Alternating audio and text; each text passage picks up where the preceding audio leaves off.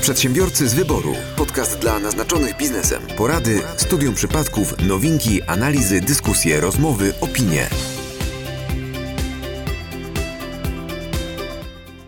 Never gonna give you up. Never gonna let you down. Never gonna run around and desert you. Rick Astley. Tymi pięknymi słowami rozpoczynamy 64. odcinek podcastu Przedsiębiorcy Wyboru, a te słowa idealnie oddają, no myślę, ogromną motywację, jaką mamy dzisiaj w studio z, za pośrednictwem naszego gościa, z którym byliśmy umówieni już na 13 marca. Także po Ale wiadomo, że w miesiącach marcu w garcu, ponad. więc postanowił być marchewką, która przyjdzie do nas dopiero dzisiaj. Łysy, a ty znowu o warzywach. tak, tak. W Ostatnio były ogórki, bakłażany, teraz marchewki, ale widzę, że y, rozmiar maleje. Zgodnie z tym, co mówiła rozmiar nie ma znaczenia. Dobrze, a zatem dzisiaj przy mikrofonach Michał Kucharski. Mateusz Majk. Mariusz Malicki. Piotr Łysko! i Paweł Borgieł. Jak widzicie, do studia powrócił w zdecydowanie lepszej odsłonie Paweł B. E, Mariusz się bardzo ekscytuje z tego powodu. Zgodnie z obietnicą z poprzedniego odcinka, dzisiaj porozmawiamy sobie troszkę e, o eksporcie. Ale ja tylko mam jedno pytanie Ale nie wirusów. eksportu. E, on stracił dostęp do morza, że już nie jest portem, czy Ej, to był mój żart, to był mój suchar, to był mój żart. Ja miałem dwa żarty. Najpierw eksport, czyli to był port, ale już nie jest, więc jest eksportem. A potem stwierdziłem, czy y, może y, nie chodzi o seksport. No to ja myślę, że tutaj y, zrobimy tak, że po prostu będziemy rozmawiać o wewnątrzwspólnotowej dostawie towarów bardziej. Bo w sumie wszystko, o czym dzisiaj będziemy mówić, będzie głównie dotyczyło jednak y, naszego najbliższego otoczenia, Unii Europejskiej. Także w takim razie przyjmijmy, że to nie będzie eksport, tylko, Tylko tylko. WDT. WDT, I teraz a czekam na WDT. żarty. Mhm. WDT! I taki znak zapytania. Brałem raz, WDT! raz brałem. Jezu, ja brałem, też brałem. pamiętam. No, ale to jak żeśmy się... Ale Ale potem żeśmy się obudzili nago w krzakach, nie? Ale to była masakra. I to było dwa dni później. Ja patrzę na zegarek, No. mówię, o, spaliśmy 12 godzin, a ty wtedy powiedziałeś, nie, nie, I to 48. pytanie, czy to my byliśmy w krzakach, czy to te krzaki były w nas? a, a to wszystko w Lubiążu. W każdym razie, gdybyśmy wtedy Ach, nagrywali, tak lubią. jak, tak jak Michał mówił, tego 13, to po prostu byłaby jedna wielka tragedia. To był 13 piątek i faktycznie Miałem tego dnia, krzaki. gdybyśmy nagrali ten podcast, to skończyłoby się tragedią, bo tego dnia przecież zablokowaliśmy granice, wstrzymaliśmy loty. Więc, o czym tu y, porozmawiać, no, jak nie o czas na- wewnątrzwspólnotowym nabyciu towarów? czym się pan zajmuje? Od dzisiaj niczym. To. to był odcinek historyczny. Historyczne. Słuchajcie, Słuchajcie, drogie drogi dzieci. Co, co nasz nam... Na... Kiedyś ludzie sobie przez Drogi- granicę coś dro- przesyłali Drogi gościu, nie był co to nam wirus. dzisiaj powiesz? W związku z zamknięciem granic, teraz już chuj. W sumie to byłoby jeszcze gorzej, bo w tym momencie przy nagrywaniu podcastu byśmy nawet jeszcze nie wiedzieli o tym zamknięciu granic. Więc byśmy mówili o wszystkim tak, jakby się to miało wydarzyć, a odcinek by wyszedł w czwartek, już kilka dni po zamknięciu granic i byłoby w ogóle przestarzał odcinek, trzeba byłoby go wycofać, nie? I potem puścić dosłownie kilka miesięcy później dopiero. Natomiast y, jako, że teraz sytuacja już trochę się poprawiła i granice mamy niektóre potwierane, no to myślę, że możemy mm, wrócić do tego tematu, albo też y, troszkę powiedzieć tak jakby na przyszłość, y, co można robić, ponieważ jeszcze nie wszystkie mm, powiedzmy rzeczy, nie wszystkie funkcje, mm, o których będziemy dzisiaj mówić jeszcze działają w pełni. Natomiast większość już takich rzeczy wróciła do normy. Dlatego porozmawiamy dzisiaj o tym, jak można zmniejszyć albo wręcz całkowicie ograniczyć, y, zniwelować koszty no, takiej ekspansji zagranicznej, czyli co możemy robić y, w temacie eksportu, by na tym przeoszczędzić. Także myślę, że to jest fajne, takie, fajne nawiązanie do tego, o czym mówiliście dwa odcinki temu. To ja mam most do pierwszego newsa, jeśli Ale pozwolicie. to jest piękny most? To jest the most beautiful? Pięknie. The most beautiful. O jeden The, the most most beautiful... Wstrzymaj się, bo my zawsze zapominamy, bo my rozmawiamy z gościem jeszcze przed nagraniem, więc em, dobrze. Powiedziałeś, że nazywasz się Paweł B, już uznaliśmy, że to ten lepszy Paweł. A to jest, to jest więc ten jeszcze, Paweł B, e, który miał te problemy czym z ty tym się zajmujesz dzieckiem uznanym, tego tak? To ten eksportu? Paweł B? E, nie, a właśnie, bo mieliśmy trzech podcastów, Pawle. E, nie, Trzech podcastów mieliśmy Pawle. trzech podcastów. spojrzał. Paweł, no, Nie, Paweł, nie, nie, Paweł nie, lubi się nie. bawić. Paweł Nie, to jest wariat. Paweł potrafi sobie zmieścić trzy podcasty. Na luzie. Grubo. E, Słuchajcie, generalnie, no niestety mogę się tylko identyfikować jako przedsiębiorca. Jestem taką powiedzmy osobą, o, transetatową. To znaczy jestem przedsiębiorcą uwięzionym w ciele etaciarza. Jesteś tym, LGBT, tak, tak? e, obecnie- Tra, tra, trans... Nie, L- tak, osoba LG- transetatowa, LGBT+. dokładnie. Powiem ci, te Też skróty nam być, się tak. mnożą po prostu dzisiaj. Dzisiaj będzie taki odcinek skrótowy, można by powiedzieć. LGB, LGBT WNT. Piotrze, plus size, o to ci chodziło? Tak. Tak, plus size, XXL, LGBT plus XXL. E, więc obecnie pracuję na etacie, jestem eksport managerem i ogólnie sprzedażą zagraniczną zajmuję się już A od umiesz mówić po angielsku? lat. Myślę, że mniej więcej w tym momencie już od około A e, czy mówienie bit. po angielsku jest E, warunkiem jak to- jak to- handlu zagranicznym? Ha- Handlu zagranicznym? Żeby handlować za granicą, trzeba umieć po angielsku? Po polsku też trzeba, Piotrze. Ale właśnie, bo ja już wiesz, ja już, ja już mój mózg się przestawił na angielski, zapomniałem w ogóle, jak, jak to się mówiło w tym waszym języku? Y, Nie jest to necessary, y, nie musisz, y, nie musisz koniecznie mówić in English, natomiast ogólnie faktycznie mm, myślę, że zwiedziłem dużo krajów, jeżeli chodzi o biznesy i niektórzy na przykład mówili, że o, w Niemczech trzeba mówić po niemiecku albo we Francji po francusku, natomiast ostatecznie na takim poziomie powiedzmy podstawowym, w sensie takim podstawowym jakby handlu y, i biznesie wystarcza Ale wiesz, wiesz, wiesz, po czym, wiesz, po czym, wiesz, Natomiast ci y, przerwę, ale bo chcę nawiązać do tego, co mówisz, a nie chcę Mhm. zapomnieć. E, bo e, zgadzam się z tobą w 100%, ale mm, zauważyłem to z, e, jakby z innego punktu. Zobacz, każda amerykańska, duża amerykańska korporacja jest obsługiwana przez call center, który ma swoją siedzibę w Bangladeszu albo w, albo w, albo w Indiach, więc cały świat i tak mówi po angielsku, po, przepraszam, po hindusku-angielsku. Ale popatrz, Hello, e, how- podstawy angielskiego w handlu. Hello, my friend. Hello, my friend! Best price. Discount, best price. discount, you want this? discount. You want this? Część wtedy chyba jest, że hello my friend, your computer is broken, you give me your credit card number and I'll help nie, you. ja myślę, że bez tego computer broken. To oni przechodzą od razu do rzeczy. I am a prince of Nigeria and I don't have son and daughter and I would like to give you my money, but you have to give me your first. Dobrze, jak widzisz, Pawle, wiedza na temat e, eksportu e, Mariusza i Piotra, no po prostu... Mm, wyma- Wylewa się z nich. tak, tak, tak. O właśnie, to są te tematy spadkowe, którymi się zajmuję. Jejku. Jak ja się cieszę, że mamy w końcu gościa, który też jedzie Ale śmiejcie, generalnie śmiejcie się, śmiejcie się, a któregoś dnia odpalicie wiadomości i tam będzie, że zmarł książę Nigerii, a w środku jego pałacu były masa pieniędzy, które chciał rozdać, ale nikt mu nie odpisał na maila. Przedsiębiorcy z wyboru. Podcast dla naznaczonych biznesem. Dobrze, Mariusz, bo ty miałeś e, dobry most. The most beautiful, tak. E, Paweł powiedział o ekspansji zagranicznej.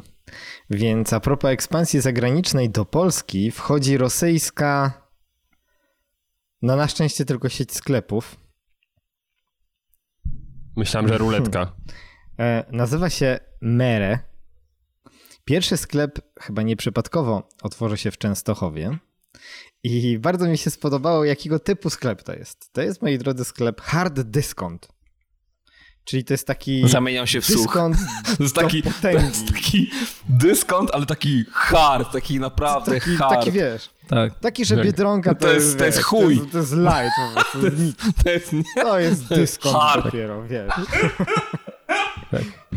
You have our attention. Taki A to jest taki hard discount. Chyba o takim już kiedyś mówiliście, że tam towar na paletach i tak dalej. Chyba już to kiedyś było. Nie, nie mówiliśmy o sklepach Mere, ale jesteś bardzo blisko tutaj, bo e, sklep typu hard discount e, charakteryzuje się tym, że ma tanie produkty e, z niższej półki, czyli umówmy się, gorszej jakości.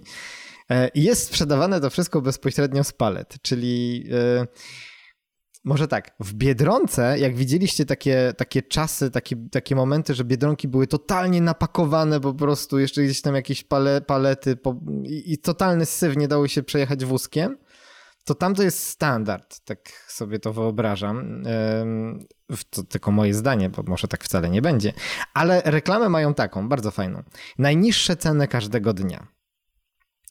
E, czyli sklep wygląda raczej jak magazyn. Wcześniej w lokalu, w którym ma się, e, ma się pojawić sklep Mere e, w Częstochowie, był sklep chiński. No wiecie, jak sklepy chińskie wyglądają, więc chyba nie musieli remontować.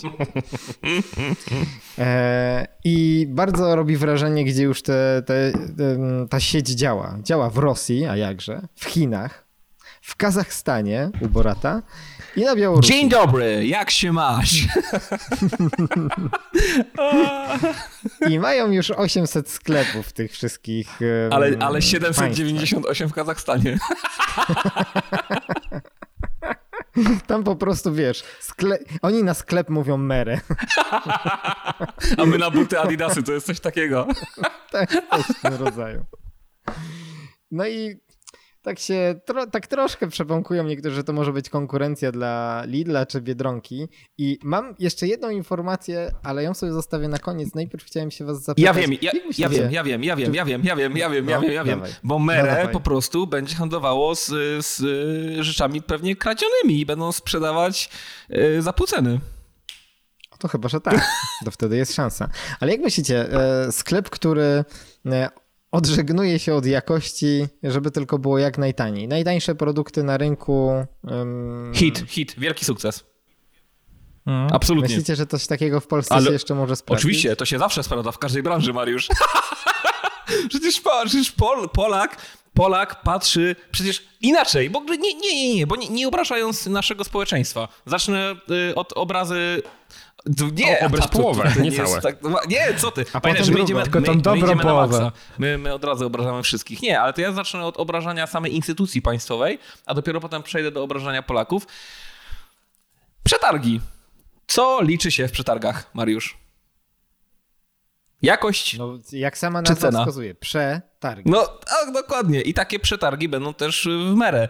Także jeżeli y, przykład idzie z góry, tak, dla nas, dla naszych rządzących, dla, dla, dla, dla instytucji e, państwowych najważniejsza jest cena, dla ludzi najważniejsza jest cena, to dla merę co jest najważniejsze? Jakość? Podpowiem ci. Jakoś. Jakoś. Demet. No ale słuchajcie, a czy będą jakieś e, meredziaki, tak jak słodziaki, tak muszą być też meredziaki, albo karta, Nie, moje, bo, moje nie, mery. bo wyprodukowanie tej cokolwiek, no karty przecież inaczej, no. I te meredziaki też coś by kosztowały. Nie, tam idą na, tam idą na maksa. Tam No cukier, to- po prostu przychodzisz z własną szklanką, jak do sąsiada, wiesz, nabierasz sobie tego cukru i wychodzisz. Tam nawet nie ma opakowań, bo opakowania też kosztują. Czyli są eko. A, czyli to, to, to co mówiliście ostatnio o Rosmanie, tak? Tak, że własne butelki można napełniać jakimiś płynami, no to tutaj też własne pudełko Ale tam wszystko takie makarony, wiesz, wszystko, po prostu wchodzisz i wszystko zabierasz. Majtki, tampony garściami, wiesz, kobiety biorą. Tak będzie merę wyglądało, ja wam mówię. Jest dobrze, że powiedziałeś, że kobiety biorą, Ja ci- bo, ale, ale Co kobiety biorą, to słuchaj teraz. Wczoraj się umawiałem na rezonans magnetyczny. No po prostu rozsadziło mi mózg. No i jako, że miałem... W tym rezonansie ci rozsadziło mózg? Nie, rozmowa z... Pa... Jednak A było pytanie, czy masz metalową I blaszkę. słuchaj, no to nie, i nie, właśnie nie mam, a potem teraz. rozsadza. No i e, dzwonię, żeby się umówić, a to z NFZ-u, więc wiesz, zapisałem, wziąłem sobie kalendarz od razu na ten 2024, nie? No i tam mówię, dobra, no zapisujemy się. Dzwonię, e, patrzę, akurat wtedy mam okulistę, to nie. no i dzwonię tam do tej pani z, e, z rejestracji i pani się mnie pyta, czy ma pan jakieś, czy ma pan w sobie metal. I tak zadała pytanie, nie zadała pytanie, czy... A ty- ja, a ja, Tylko metal! A ja, no, wie pani, jak pani tak zadała pytanie, to w sercu. tylko metal. Była taka cisza. Cisza. Pani powiedziała, chodzi o metalowe, chodzi o metalowe elementy. A, ja mówię, a to nie, elementów nie. No i potem pyta się mnie, czy mam makijaż permanentny. I ja mówię, ja jestem mężczyzną, bo tro, znaczy, kurczę, może źle zareagowałem, ale jakoś pierwsze, co mi przyszło na myśl, mówię, nie, no jestem facetem. A pani mówi, zdziwiłby się pan, bo tak samo często przychodzą mężczyźni z permanentnym makijażem, jak i kobiety. Tak samo często. I myślę sobie, dobra, po prostu odpowiadaj na pytania. Nie, nie mam. Nie, nie wiem. Nie mam, nie mam. Nie mam metalowych elementów w sobie, nie mam makijażu permanentnego i To znaczy, o ile ci wiadomo, nie masz, bo po tych wszystkich imprezach to pewien nie możesz Nie, być. stary. Tam możesz mieć różne elementy w sobie, Najtwa- naj- Piotrze. co, co wy gadacie? Najtward, naprawdę, naj, Najtwardszy, najtwardszy, tak. najtwardszy marker schodzi max po trzech myciach, więc, więc naprawdę nie ma problemu. Strzoła też, Ale więc to... to... wiem, kolega wie, bo dwa dni chodził z siusiakiem na czole. Nie ja, kolega. Ale namalowanym? Co? Pytają. Nie, nie namalowanym. Namalowany? Odmalowanym. Słuchajcie, py- potem Piotra pytają, co sądzisz o makijażu permanentnym? A w dupie to mam. O, to, to, takie, takie, to też taki mini moc. Ale słuchajcie, ja mam tyle newsów, w ogóle to jest... Ale czekaj, ja jeszcze nie skończyłem Jest, dobra, swojego, którym się dobra, wypowiedziałeś dawaj, w no. ogóle bez No. Mere, mere. mere. jak zwykle. mere, mere dudki. Pa, panowie, ktoś coś mądrzejszego powie o, o jakości i cenie? Ja, ja, ja, ja. Jakość jest Jaką nieważna, przyszłość tylko cena. merze?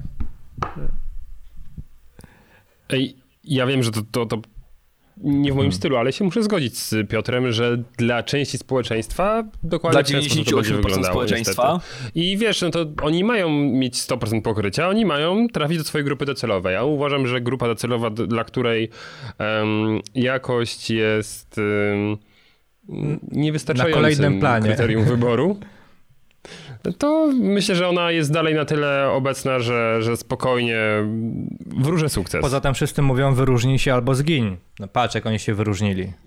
Pokaż mi inną tego typu dodatkowo film. tak samo przecież, No i Paweł, ratuj, samo też ratuj. działają przecież, y, no. No słuchajcie, no hurtownie budowlane i markety budowlane. Niektórzy wolą iść do Obi czy do Castoramy, gdzie kupią w zasadzie ten sam towar, co w markecie budowlanej, czy w hurtowni budowlanej, natomiast z ładnym opakowaniem, z obsługą klienta i tak dalej. A inny pójdzie właśnie do typowej hurtowni, gdzie towar leży na paletach i sam się musi obsłużyć i tak dalej i, to działa. Więc myślę, że też y, jakaś tam grupa docelowa jest. Osoby, którym nie zależy na, na ładnych opakowaniach, na miłej muzyczce płynącej z głośników, tylko na tym, żeby coś po prostu kupić. Myślę, że szczególnie to może być też dobry patent dla przedsiębiorców, którzy na przykład zapatrują swoje restauracje czy inne tego typu rzeczy. No i wreszcie ktoś się mądrze wypowiedział, naprawdę. E, więc e, ja- słuchajcie jeszcze tak ze swojej strony, wiecie, że ja uważam, że jakość tutaj ponad wszystko, ale e, to oczywiście nie oznacza, że cena nie gra roli. Przy czym, jeżeli e, tam nie będzie produktów beznadziejnych, szajskich, produktów, no to pewnie, że mają szansę. Pod warunkiem, że właśnie oni będą oszczędzać na tym, tak jak Paweł powiedziałeś. Czyli nie będzie muzyczki, nie będzie pięknego wystroju, po prostu będą produkty spoko jakości, takie jak możesz znaleźć w Biedronce czy w Lidlu faktycznie. No to jak najbardziej jest duża szansa i tutaj mogą walczyć sobie ceną z tymi dyskontami, które są. Jeżeli natomiast po prostu będą mieli badziewne produkty, najgorsze na rynku, faktycznie z niższej półki, to tutaj uważam, że nie mają szans z tego względu, że nawet Polacy, którzy mają mało pieniędzy w kieszeni, którzy faktycznie sprawdzają każdą złotówkę trzy razy zanim ją wydadzą, to też zwracają uwagę na jakość, bo nawet w tej dolnej półce są różnice w jakości. Jest jedna jednak rzecz, jeden produkt, który może bardzo mocno uchronić e, mm, sieć sklepów od e, w ogóle jakichś problemów, czy, czy, czy mieć dobrej jakości, czy nie mieć, bo mają sprzedawać również alkohol. Tani alkohol? Właśnie to chciałem powiedzieć ci od, odnoś, odnośnie do jakości. E, jakość, e, ta grupa, o której wspomniałeś, sprawdza w taki sposób, że e, to ma 5,6, a to ma 5,7. Zaznaczy lepsze. No Bieremy. No i wiesz, jest nagle mocny full.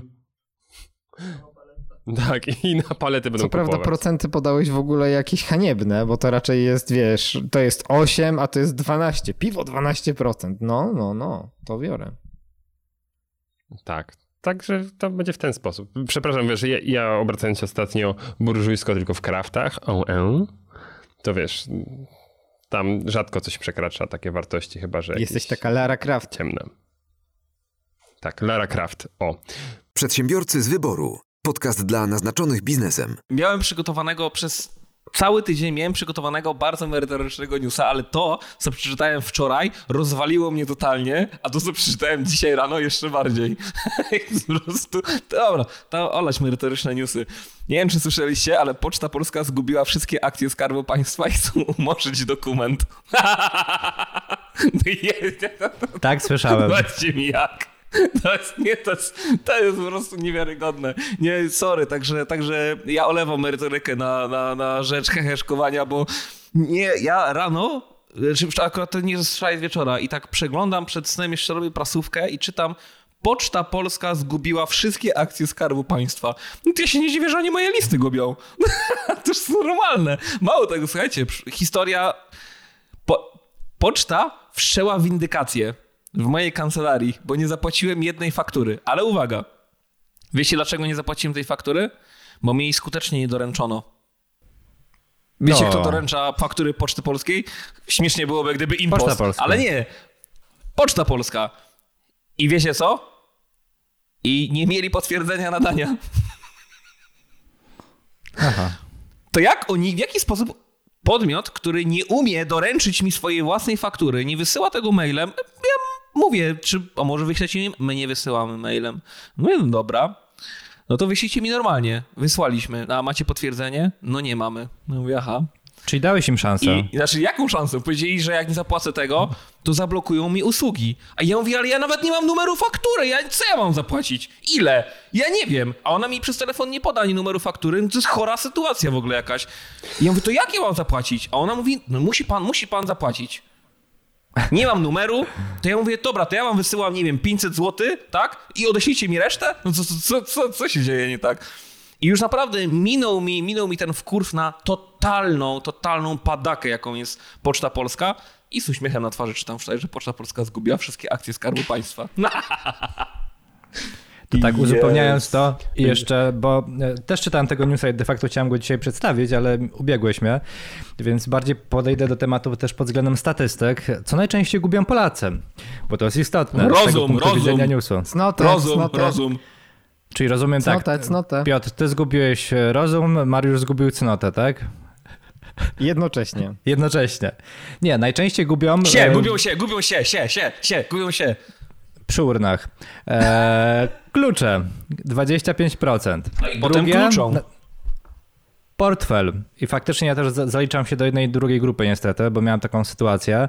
I znowu port. Tak. Tym razem fel. Później kolejne okulary, telefon i co dziesiąty Polak przyznaje, że gubi dokumenty. Czyli można wprost powiedzieć, że pracownik Poczty Polskiej, który zgubił ten ważny dokument, jest co dziesiątym Polakiem, który gubi dokumenty.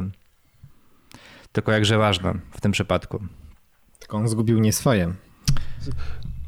I powiem wam, jak dobrze, że nie wiem, nikt nie wpadł na pomysł, żeby, nie wiem, powierzyć im organizację czegoś ważnego. Wyborów? Ale wiesz, No, no, organizowali strach- takie, które i tak miały się nie odbyć, także luz. Ale Piotrze, ty dodałeś, że ten dokument był oddany w depozycie? Bo to jest też istotne chyba, nie? A wiesz co, nie, nie, nie, nie, pamiętam, powiem ci szczerze, nie, nie chcę popełnić tam błędu, ale no w ogóle y,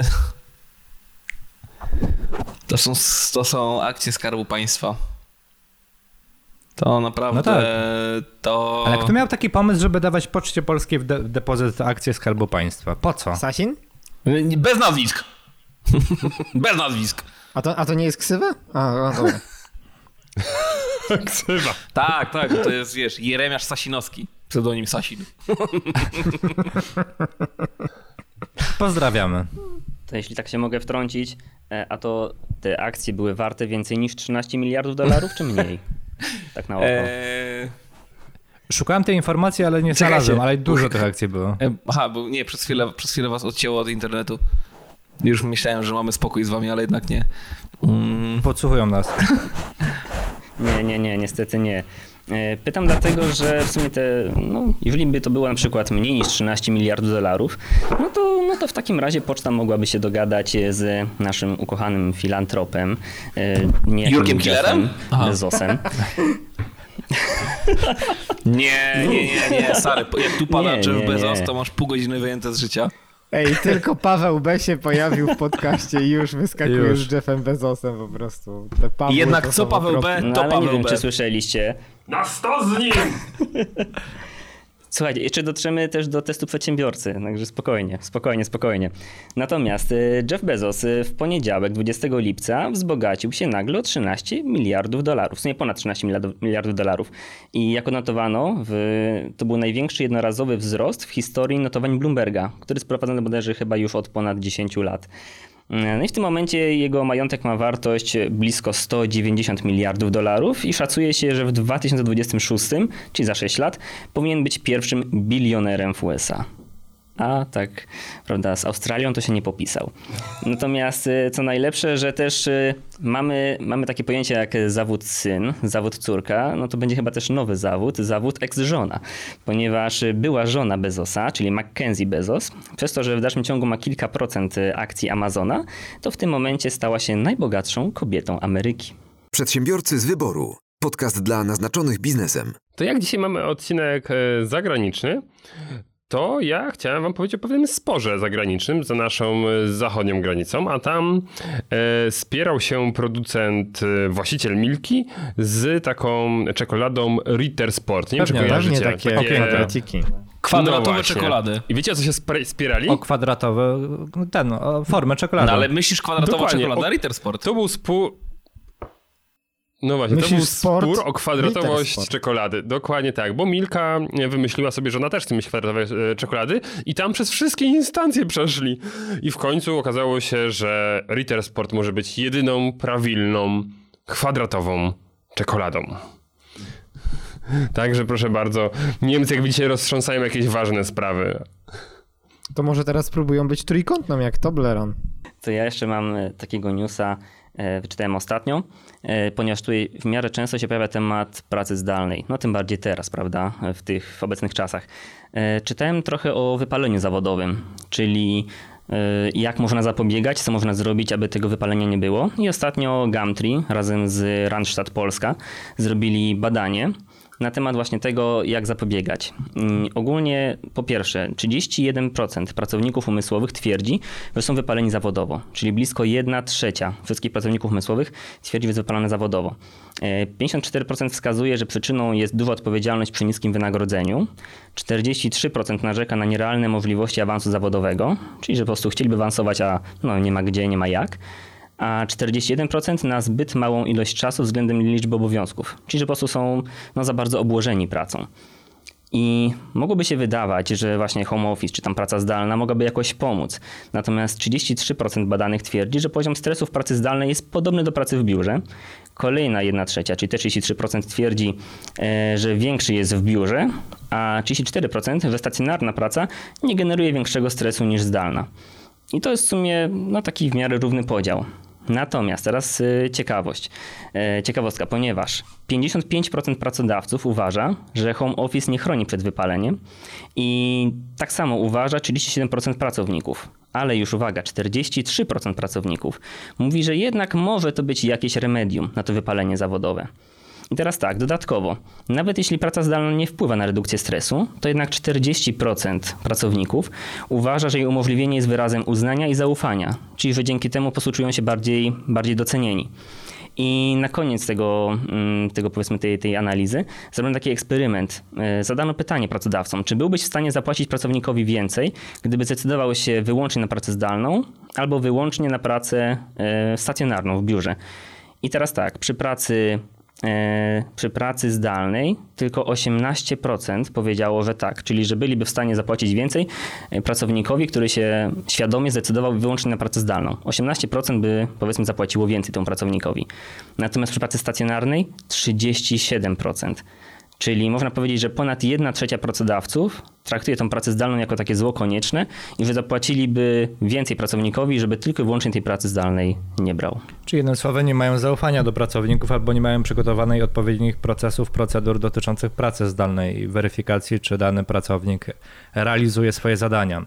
Tak z mojej strony przynajmniej ja to tak odbieram, bo patrząc na plusy jednak, no to duża część firm, przynajmniej w Polsce, też wskazała, że e, mają dosyć spore oszczędności dotyczącej pracy zdalnej, tak? Czyli dzięki temu mogą tak naprawdę obniżać sobie ilość e, przestrzeni biurowej niezbędnej do utrzymania konkretnych stanowisk pracy lub rotacyjnie, czyli na przykład dwa dni w tygodniu pracownik jest w biurze, natomiast e, trzy dni w tygodniu jest na pracy zdalnej.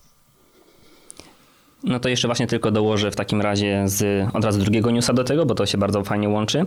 E, Wyczytałem, że firmy generalnie wyzbywają się biur. Szacuje się, że teraz w czerwcu, bo czerwcu mamy zamknięty, więc można powiedzieć, że w czerwcu tylko jedna trzecia pracowników biurowych wróciła do swoich miejsc pracy, czyli do pracy stacjonarnej. Więc na przykład y, takie instytucje jak banki potrafią się wyzbywać całych pięter w swoich biurowcach. Szacuje się, że wydatki związane z biurem stanowią około 10 do 15% kosztów działalności firmy. To są przecież gigantyczne koszty, czyli można by to zaoszczędzić. Natomiast jak widać ponad 1 trzecia pracodawców woli jednak mieć swojego pracownika ja się zastanawiam tylko jedynie, e, jakby jaka grupa pracodawców była objęta tym badaniem, tak? Bo jeżeli to były firmy pod tytułem już korporacja, to być może są już bardziej świadome. Natomiast jeżeli mówimy o małych firmach czy, czy o MŚP, to być może jeszcze ten syndrom niewiedzy i, e, i lęku przed nowym e, występuje. Matko, w tym newsie było tyle liczb, że ja jeszcze nie zdążyłem ich przetworzyć. No nie, oczywiście, że muszą być liczby w newsie, tak, tak, tylko że tutaj ja, ja jeszcze trawię, a Piotr to już w ogóle się wyłączył, widzę. Nie, no Tam... ja myślę, że po prostu y, pracodawcy nie wierzą w, w pracę zdalną. Ja, to nie jest dla mnie żadne, żadne nowe odkrycie, ja tak uważam i myślę, że te dane to pokazują, czy nie. Tak, tak, no pokazują. Tylko tak jak mówię, zależy wszystko tak naprawdę od rodzaju działalności nie? i od wielkości firmy. I pracowników. Przede wszystkim. Trochę nie, nie, nie, rozumiem tego pytania, czy ktoś zapłaciłby pracownikowi więcej za pracę zdalną a, albo więcej za pracę w biurze. E, ja akurat tego nie rozgraniczam, bo praca jest praca, tak? I ja uważam, że efekt powinien być rozliczany i gdzie ona zostanie wykonana, to nie ma jakiegoś większego znaczenia. Jeżeli e, pracownik idzie, e, znaczy mam zupełnie inne podejście. Jeżeli pracownik chce iść na, na pracę zdalną, nie ma problemu. Jeżeli na pracę zdalnej da mi więcej niż dawał mi pracując w biurze, jego wynagrodzenie idzie do góry. Ale wynagrodzenie uważam powinno być uzależnione nie od tego, w jaki sposób pracuje, czy zdalnie, czy niezdalnie, tylko od tego, ile robi. Niektórzy ludzie wolą pracę zdalną, bo są tam bardziej efektywni, a niektórzy w biurze. Ja, ja, ja przynajmniej tak myślę. No tutaj chyba chodzi o generalnie taką zachętę dla pracownika, ponieważ niektórzy pracownicy na przykład kochają biuro. E, przykład e, akurat na przykład moja ja. siostra pracuje ja w nie umiem spółce w PKP Intercity. I moi pracownicy też. No tak, no i dokładnie. No na przykład y, teraz y, pojawił się, pojawił się pomysł, aby na przykład pracowników y, po prostu wyrzucić na, na home office, bo prawdopodobnie zauważyli, że jest to jakaś oszczędność. Natomiast pracownicy nie chcą tego, tego home office. Na przykład lepiej im się pracuje w biurze, ponieważ mają dostęp do swoich współpracowników, z którymi muszą bardzo ściśle tutaj kooperować. I w tym momencie no, pracodawca mógłby chcieć zapłacić im więcej, żeby tylko jednak to home office, no żeby na to wyrazili zgodę, tak? Bo na przykład mogą powiedzieć, że dla nich to jest mniej komfortowa praca zdalna, w domu, więc y, chcą jakiś ekwiwalent za to, że muszą jednak siedzieć w domu. Tak samo na przykład ludzie, którzy e, mają, nie wiem, niesforne dzieci i nie mają swojego biura w domu, nie, nie mają swojego gabinetu. W takim razie też dla nich to są wręcz szkodliwe warunki pracy, kiedy dzieciaki im krążą po domu i nie mogą się skupić, więc y, powinni mieć y, płacone właśnie szkodliwe. Uwierz mi, dzieciaki nie muszą być niesforne, żeby się nie dało pracować w domu. Po prostu są, wystarczy. E, więc, a czy nie strasz. Powiem wam, że z mojej perspektywy to jest, to jest po prostu bardzo duża, duża zmiana, której nie da się wprowadzić e, tak, tak szybko z dwóch względów. Po pierwsze, jest bardzo wiele zawodów, w których badanie efektywności pracy pracownika wymaga e, wielu narzędzi, które trzeba wprowadzić, trzeba sprawdzić, trzeba zweryfikować. E, to nie jest tak, że każdy zawód da się po prostu łatwo weryfikować w efektach pracy i można pracować po prostu zadaniowo, bo są ludzie, którzy na przykład obsługują, e, nie wiem, e, jakieś, no chociażby obsługi, obsługują ludzi, tak? Odbierają telefony, rozmawiają. Nie mówię teraz o sprzedaży.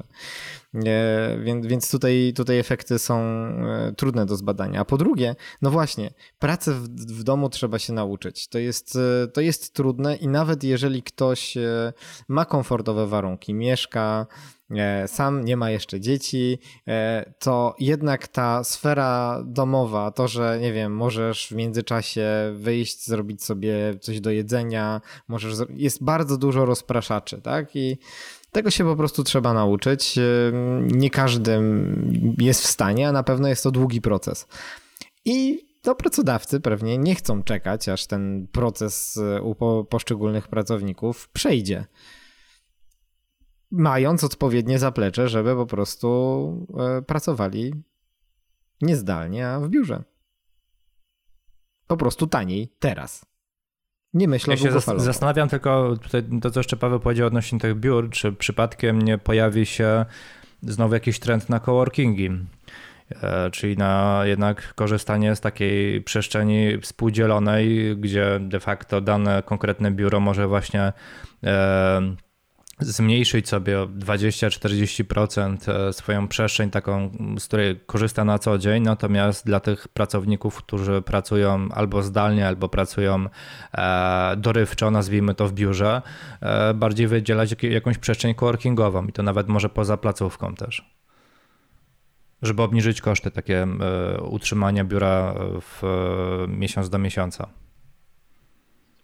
A to właśnie ciekawe, czy, czy korporacje już na to wpadły, tak, żeby robić takie hot deski? Wydaje mi się, że już tak. Że na zasadzie powiedzmy, że mają tam, nie wiem, 2000 pracowników, ale trzymają na przykład tylko w, w siedzibie Będę mieć na przykład 500 biurek, no bo one są przechodnie, nie, to Michał, tak? tak jest. powiedzmy 100 osób mhm, pracuje. To jest na, tak, tak, tak, tak, tak jest na 100%, bo czytałem właśnie, że wówczas właśnie wtedy wprowadzają taki tryb pracy zdalnej, na przykład 3 dni pracy zdalnej, 2 dni pracy e, w biurze, no i to jest, nazwijmy to gdzieś tam zmienne, tak, czyli część pracowników pracuje poniedziałek, wtorek w biurze, część e, środa, czwartek i tak dalej, nie? Dzięki czemu nie trzeba mieć jeden do jeden ilości stanowisk pracy versus pracownicy. Przedsiębiorcy z wyboru. Podcast dla naznaczonych biznesem. Eee, Okej, okay. to ja mam takiego bardziej newsa z branży e, odzieżowej, połączonej jednocześnie z odpowiedzialnością za środowisko. E, na pewno kojarzycie taką firmę jak z Australii? North Face, e, The North Face, kojarzycie? Kojarzymy. Okej, okay. firma już od jakiegoś czasu wprowadza różnego rodzaju działania w, w duchu zero waste. E, przykładowo jakiś czas temu z resztek tkanin e, z hal produkcyjnych ze swojego brandu właśnie wypuściła nową kolekcję ubrań. Natomiast e, w chwili obecnej wypuściła na rynek e, koszulki, które zostały przygotowane z 18 tysięcy kilogramów plastikowych butelek, które zostały zebrane w Alpach. E, no i chcą uświadamiać tak naprawdę społeczeństwo, z jakim problemem się tak naprawdę spotykają e, tak ważne miejsca, które powinniśmy szanować, jeśli chodzi o miejsca związane z przyrodą. I marka przekazuje 1 euro na konto Summit e, Foundation, która właśnie wspiera programy sprzątania Alp i pomaga chronić naturalny krajobraz. Także wydaje mi się, że dosyć ciekawy temat, który z mojego punktu widzenia jest warte uwagi i, i, na pewno coraz częściej tego typu firmy będą właśnie mm, wchodziły w takie działania uświadamiające, jak ważne jest środowisko i że warto je chronić. Ale nie jednorazowo 1 euro. E, nie, za każdą koszulkę. Każda koszulka to 1 byli euro. jak Bezos wtedy. Nie, nie. Jak, jakby tak było, to bym nie mówił o tym newsie. No właśnie. Albo byś mówił z oburzeniem. Dokładnie. E ale to już chyba kiedyś nawet mówiliśmy, Nike, dobrze kojarzy, że, buty, hmm. że buty z petów też robiło, z plastiku? Coś takiego tam Znaczy na pewno pojawiło. Nike albo Adidas, e, ale wydaje mi się, że Nike wprowadzi, nie, wprowadziło w ogóle butów. takie działanie na zasadzie e, buty na abonament. Albo tak, tak dokładnie. I mhm. wtedy faktycznie przetwarzają znowu, znowu, te buty, które oddajemy i robią z nich kolejne, a, a, kupujemy sobie, czy tam dostarczają nam nowe. Tylko nie pamiętam właśnie, czy to był Nike, czy to był Adidas, także jedna z tych dużych marek. Ja, Ale buty z petów? Ja, ja, ja... Jak z petów zrobić buty? Chodzą po Bytomiu i zbierają pety, a później A potem robią buty, wiążą robią buty. jakoś. Tak. Kleją. Mnie, mnie zawsze strasznie ciekawi ta technologia, bo gdzieś tam uprawiając sport i, i chodząc zwracam uwagę na te wszystkie materiały, wiecie, oddychalność, tam jakaś wodoszczelność, wiatroszczelność i tak dalej. Zastanawiam, no okej, okay, no jak się wyprodukuje to z plastiku, no to czasem człowiek się w środku nie, wiecie, zapoci generalnie i, i udusi. To takie, tak, tak na pod względem Michał, polary, polary w dużej części właśnie z petu też są wytwarzane, tak? Polary. O. Także, żebyś miał tą świadomość. I dziękujemy bardzo Piotr Łyskozy swoim merytorycznym wkładem jak zawsze. Ale widzicie, drodzy słuchacze, bo to jest dobry moment, żeby wspomnieć o tym, że jak widzicie, wena twórcza Piotra roznosi, on eksploduje już tymi pomysłami. Więc prosimy was o te e, recenzje, no bo Piotr naprawdę, no, no już zaczyna śpiewać, tak? A chwilę jeszcze dłużej i zacznie tutaj występy artystyczne nam robić. A tego my już możemy nie przeżyć. Więc prosimy o tę recenzję. A co tam jeszcze dobrego? Dobra, pogadaliśmy o materiałach. Ty mówiłeś, Mateusz, że e, polary są z tego robione. Okej, okay, ale to nie są, rozumiem, w takim razie 100% e, ciuchy z tego, tylko z, do, z dodatkiem, No, dużej tak? części tak naprawdę z dodatkiem. E, Albo na przykład te obszycia aut również zaczynają być robione z tkanin. Obszycia no, aut? te- No, co, co ty masz za auto, że ci obszywają fotele je? i tego typu że materiały, tak? Są wytwarzane właśnie z tkanin z recyklingu. W szczególności z tego co pamiętam, to te auta elektryczne e, zaczynają też w ten sposób e, Ja, funkcjonować. jak to to za auto? A widziałeś głupi i głupszy? Tam mieli obszyte auto w takiego pieska. Przedsiębiorcy z wyboru. Podcast dla naznaczonych biznesem. To słuchajcie, jeśli mówimy już tutaj o tworzywach, o tworzywach sztucznych, o, o tych petach i tak dalej, e, to też może w takim razie mam do tego most. O, nawiążemy do tego. E, ponieważ, no pewnie wszyscy słyszeli, że Orlen dostał zgodę Komisji Europejskiej na przejęcie Lotosu. Co prawda warunki są po prostu jak dla mnie osobiście, nie wiem, skandaliczne, tak to można chyba określić, przecież rany boskie, tyle oddamy obcemu kapitałowi. Natomiast e, teraz podpisano list intencyjny ze Skarbem Państwa w sprawie przejęcia kolejnej spółki Skarbu Państwa, czyli PGNiG. Czyli Polskie Górnictwo Naftowe i, i co? Gazownictwo. I gazownictwo. i gazownictwo, tak, dokładnie.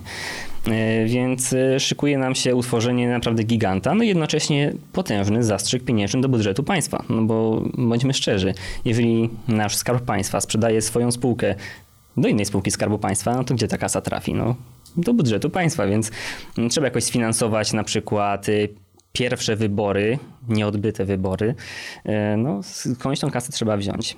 E, Więc e, tak, jest już, za- zaczął się ten proces. Mówią, że 10 lipca zaczęli rozmowy ze Skarbem Państwa na temat warunków przejęcia PGNiG. To ja chciałem powiedzieć, że to jest w ogóle nieprzemyślane działanie ze strony państwa i, i że uważam, że straszny, straszny błąd. Yy, przede wszystkim dlaczego? Jak masz dwie spółki, to musisz mieć dwóch prezesów, więc dwie, dwa stanowiska do obsadzenia, prawda? Dwie sekretarki i tak dalej. A jak masz jedną spółkę, no ten prezes może, ten główny będzie jeden, prawda? Więc w ogóle nieprzemyślane, bo no, przepraszam bardzo, ale gdzie oni będą obsadzać? Jakie stanowiska oni będą obsadzać? Nie, nie, nie, to jest... Yy, coś A mi nie można nie gra. wtedy więcej członków zrobić? Radę nadzorczą Nie, po prostu rozbudować. kolejne lotnisko. Kolejną łąkę, w sensie kolejne, e, przepraszam, lotnisko, lotnisko, kolejne lotnisko zaplanujmy e, i wtedy będzie gdzie tych No Michał, ale żeby, żeby nie było, to trochę teraz takie działania są spójne, bo jeśli faktycznie zmniejszają tą ilość pracowników, to z tego co czytałem też idzie to w kierunku zmniejszania ministerstw, tak? E, gdzie faktycznie szukają oszczędności.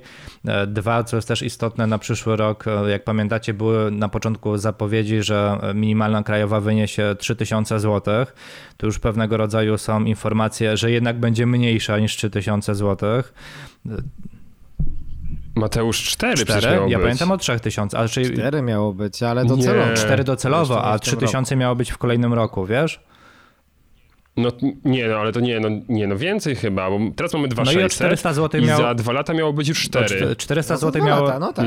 Tam nie miało być tysiąc, tysiąc, skoko tysiąc, tylko przypuszczam, że tam miało być grubo ponad trójkę Na już. 100% miało być 3000 w przyszłym roku i już jest informacja taka, na razie nieoficjalna, że tych 3000 nie będzie, także je- jeżeli zatrudniacie pracowników, na razie są takie spekulacje, że w przyszłym roku najprawdopodobniej minimalna krajowa wyniesie 2716 zł.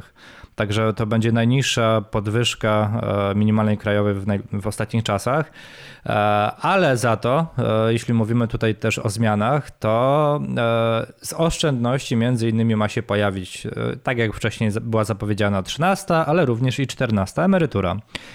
Także Ale to była obietnica czy życzenie E, wyborcze? Bo słyszałem, że jest ponoć różnica między obietnicą wyborczą a życzeniem wyborczym. E, Życzenie to chyba było z 17, 18, 19 tą chyba, e, a, a tutaj faktycznie już się przymierzają i jest blisko, bliżej niż dali, żeby ta 14 była też wypłacana, także e, no i to, co powiedziałem, na pewno będą obniżali ilość, e, ilość resortów i pracowników, którzy, których zatrudniają i co istotne, w budżetówce zamrażają pensje. Czyli w przyszłym roku nie, nie będzie podwyżka, jeśli chodzi o płace, także faktycznie na obietnice, które złożyli w kampanii, szukają e, oszczędności i może stąd też te właśnie połączenia spółek, być może e, stąd te obcięcia i już tam groźby do. Innych partii, nazwijmy to, niż PiS, które tworzą e, Zjednoczoną Prawicę, że duża część ministerstw no, nie zostanie obsadzona przez obecnych ministrów i wiceministrów partii wspierających. No tam nie, nie wchodźmy w politykę, tam są jakieś rozruby teraz, ale to, to, to zostawmy, to śmierdzi. To Bardziej śmierdzi, gospodarczo wskazałem, że po prostu na co warto zwrócić tak, uwagę. Tak. Nie?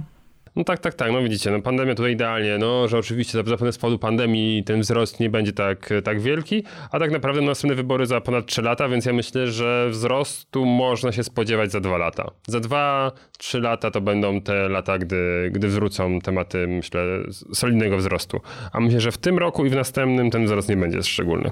Takie moje przewidywania i prognozy dotyczące polityki w tym zakresie. Powiedział pierwszy ekonomista RP. Przedsiębiorcy z wyboru. Podcast dla naznaczonych biznesem. A zatem, yy, mili współprowadzący, szanowny gościu, słuchacze, również mili, żeby nie było. Dzisiaj spotkaliśmy się w tym studiu oraz online, żeby porozmawiać na temat eksportu i tego, jak to nasze drapieżne przedsiębiorstwa mogą zdobywać zagraniczne rynki. Mm, no dobra. Ja myślę, że tutaj My właściwie wszyscy, jak sobie teraz tak spoglądam w oczy moich szanownych kolegów redaktorów, zajmujemy się usługami. No Piotr jeszcze tam y, ma tą swoją drugą działalność, gdzie tam się zajmuje import, eksport, amfetamina, metamfetamina, y, hocha, y, haszysz.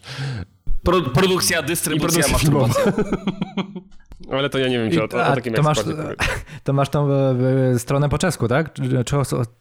Czechosłowacku, to jest ta strona, tak? O tym, Piotrze? Dokładnie tak. Okej. Okay. Przechodząc, my zajmujemy się usługami i e, ja wiem, że teraz zaczniemy może od, od, zupełnie innej strony. Czy my mamy w ogóle jakieś takiej możliwości, żeby cokolwiek tutaj zacząć działać, czy raczej, bo zawsze mi się ten eksport kojarzył z, mm, z towarami, tak, że no trzeba mieć coś fizycznego, no to potem możemy sobie gdzieś tam te, zdobywać te zagraniczne rynki naszymi mm, tanimi jabłkami. No, w, tu, mi, tu mi się super podoba ten przykład, jak nam nałożyli embargo, prawda, na polskie jabłka i zrobi, zaczęliśmy je eksportować przez Białoruś, żeby ominąć embargo, to jest hicior, ale... Albo cydr zaczęliśmy Albo robić. cydr zaczęliśmy, tak? Tak, one apple a day keeps Putin away, prawda, i tak dalej. Tego typu hasła były. E, no dobra, ale czy te usługi są od razu skazane na niepowodzenie, czy, czy coś tu jednak jesteśmy w stanie działać? No bo wiadomo, że to, to, to to myślę, że trzeba rozróżnić. Myślę, że tak, oczywiście najłatwiej jest eksportować e, produkty, po prostu materiały, jakieś produkty. To jest najprostsza metoda, ponieważ można to gdzieś zaprezentować, e, wysłać próbki, cokolwiek. Gorzej jest właśnie z takimi towarami, jakimi są usługi. To jednak jest e, ciężej. Myślę, że tutaj ogólnie będzie bardzo mało dla, dla Piotra, więc Piotr może w sumie już iść i tam nie wiem, coś sobie porobić. E, generalnie no, ciężko będzie eksportować jego usługi. Mm, zna się pewnie doskonale, podejrzewam. Ale e, moich usług, ale moich usług się polskim. nie eksportuje. Moje usługi wykonuje się w kooperacji z usługami na przykład czeskimi. Więc to są dwie kancelery, które ze sobą współpracują. Nie da się ich przełożyć z kraju do kraju, a, ale, ale eksportujemy know-how, znaczy może know-how, pomysł, ale realizację y, zlecamy czeskiej kancelarii. Y, gdzie Piotr się przebiera Ej, za Czecha i, i, wchodzi w buty Czecha i dalej to kontynuuje, tak? Za Czechosłowaka, u, u, u, za Czechosłowaka. A to z peruką. Taka kooperacja u was wygląda w taki sposób, że e, słuchaj, u nas ten podatek ominęliśmy w ten i w ten sposób, może u tak, was też no tak i się wtedy przychodzi do pokoju tak, obok i odpowiada tak. sam sobie na to pytanie. Zajorzina z Barzin po prostu. Czyli teoretycznie nie musisz znać prawodawstwa tamtego lokalnego z innego kraju, aby móc tam też poniekąd działać w Dokładnie kooperacji tak. z nimi, tak? Słuchajcie, Wystarczy ci pomysły swojego. są wszędzie te same. My mówimy tak, u nas jest tak i tak, a jak to zrobić u was? Więc to już jest raczej konkretny pomysł, tylko realizacja często przebiega w inny sposób. Ale jeśli chodzi o kwestie podatkowe, to tu akurat Unia Europejska dużo mm, rzeczy upodobniła do siebie. Nie wszystko. Hmm, głównie na stawkach można fajnie ugrać, nie? Między, w, różnicach między, między krajem a krajem. No, nie będę. No, popełniam cały czas, bo jeszcze nie został nigdzie wydany taki artykuł o samochodach, mm, dlaczego na Śląsku jest bardzo dużo samochodów z czeskimi blachami.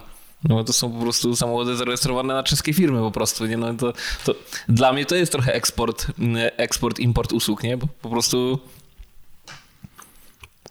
pomysł, pomysł jest, ale realizacja w innym kraju. No ale to jasne, to eksport zupełnie na czymś innym polega. Masz rację, no w moim przypadku, w moim, w moim biznesie nie da się, ja nie mogę moich usług świadczyć w Czechach. Ja moje usługi świadczę Czechom w Polsce. Ale Piotrze, widzieliśmy też, że na swojej stronie masz y, coaching, tak? Czyli casting, y, casting coaching. y, To takie, Wiesz co, to to, takie akurat, ale to akurat prawda? mój wspólnik, eksportować. bo jego siostra jest psychologiem. E, I, I musiałbym spytać, nie ma go tu teraz ze mną, ale, ale obiecam wam, obiecuję wam, że wrócę z odpowiedzią na następnym odcinku. Okej, no dobrze.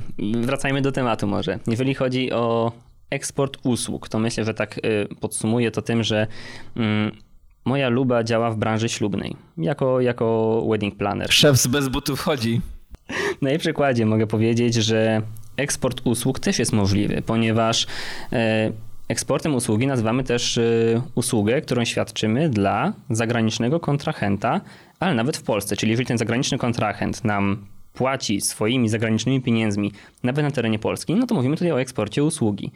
Wobec czego, jeżeli na przykład przyjeżdża jakaś para młoda i na przykład y, gość jest z zagranicy, a dziewczyna pochodzi właśnie z kraju, ale chcą właśnie ślub organizować u nas w Polsce, to w tym momencie można powiedzieć, że eksportujemy tą usługę planowania wesela, ponieważ świadczymy ją właśnie dla zagranicznego kontrahenta.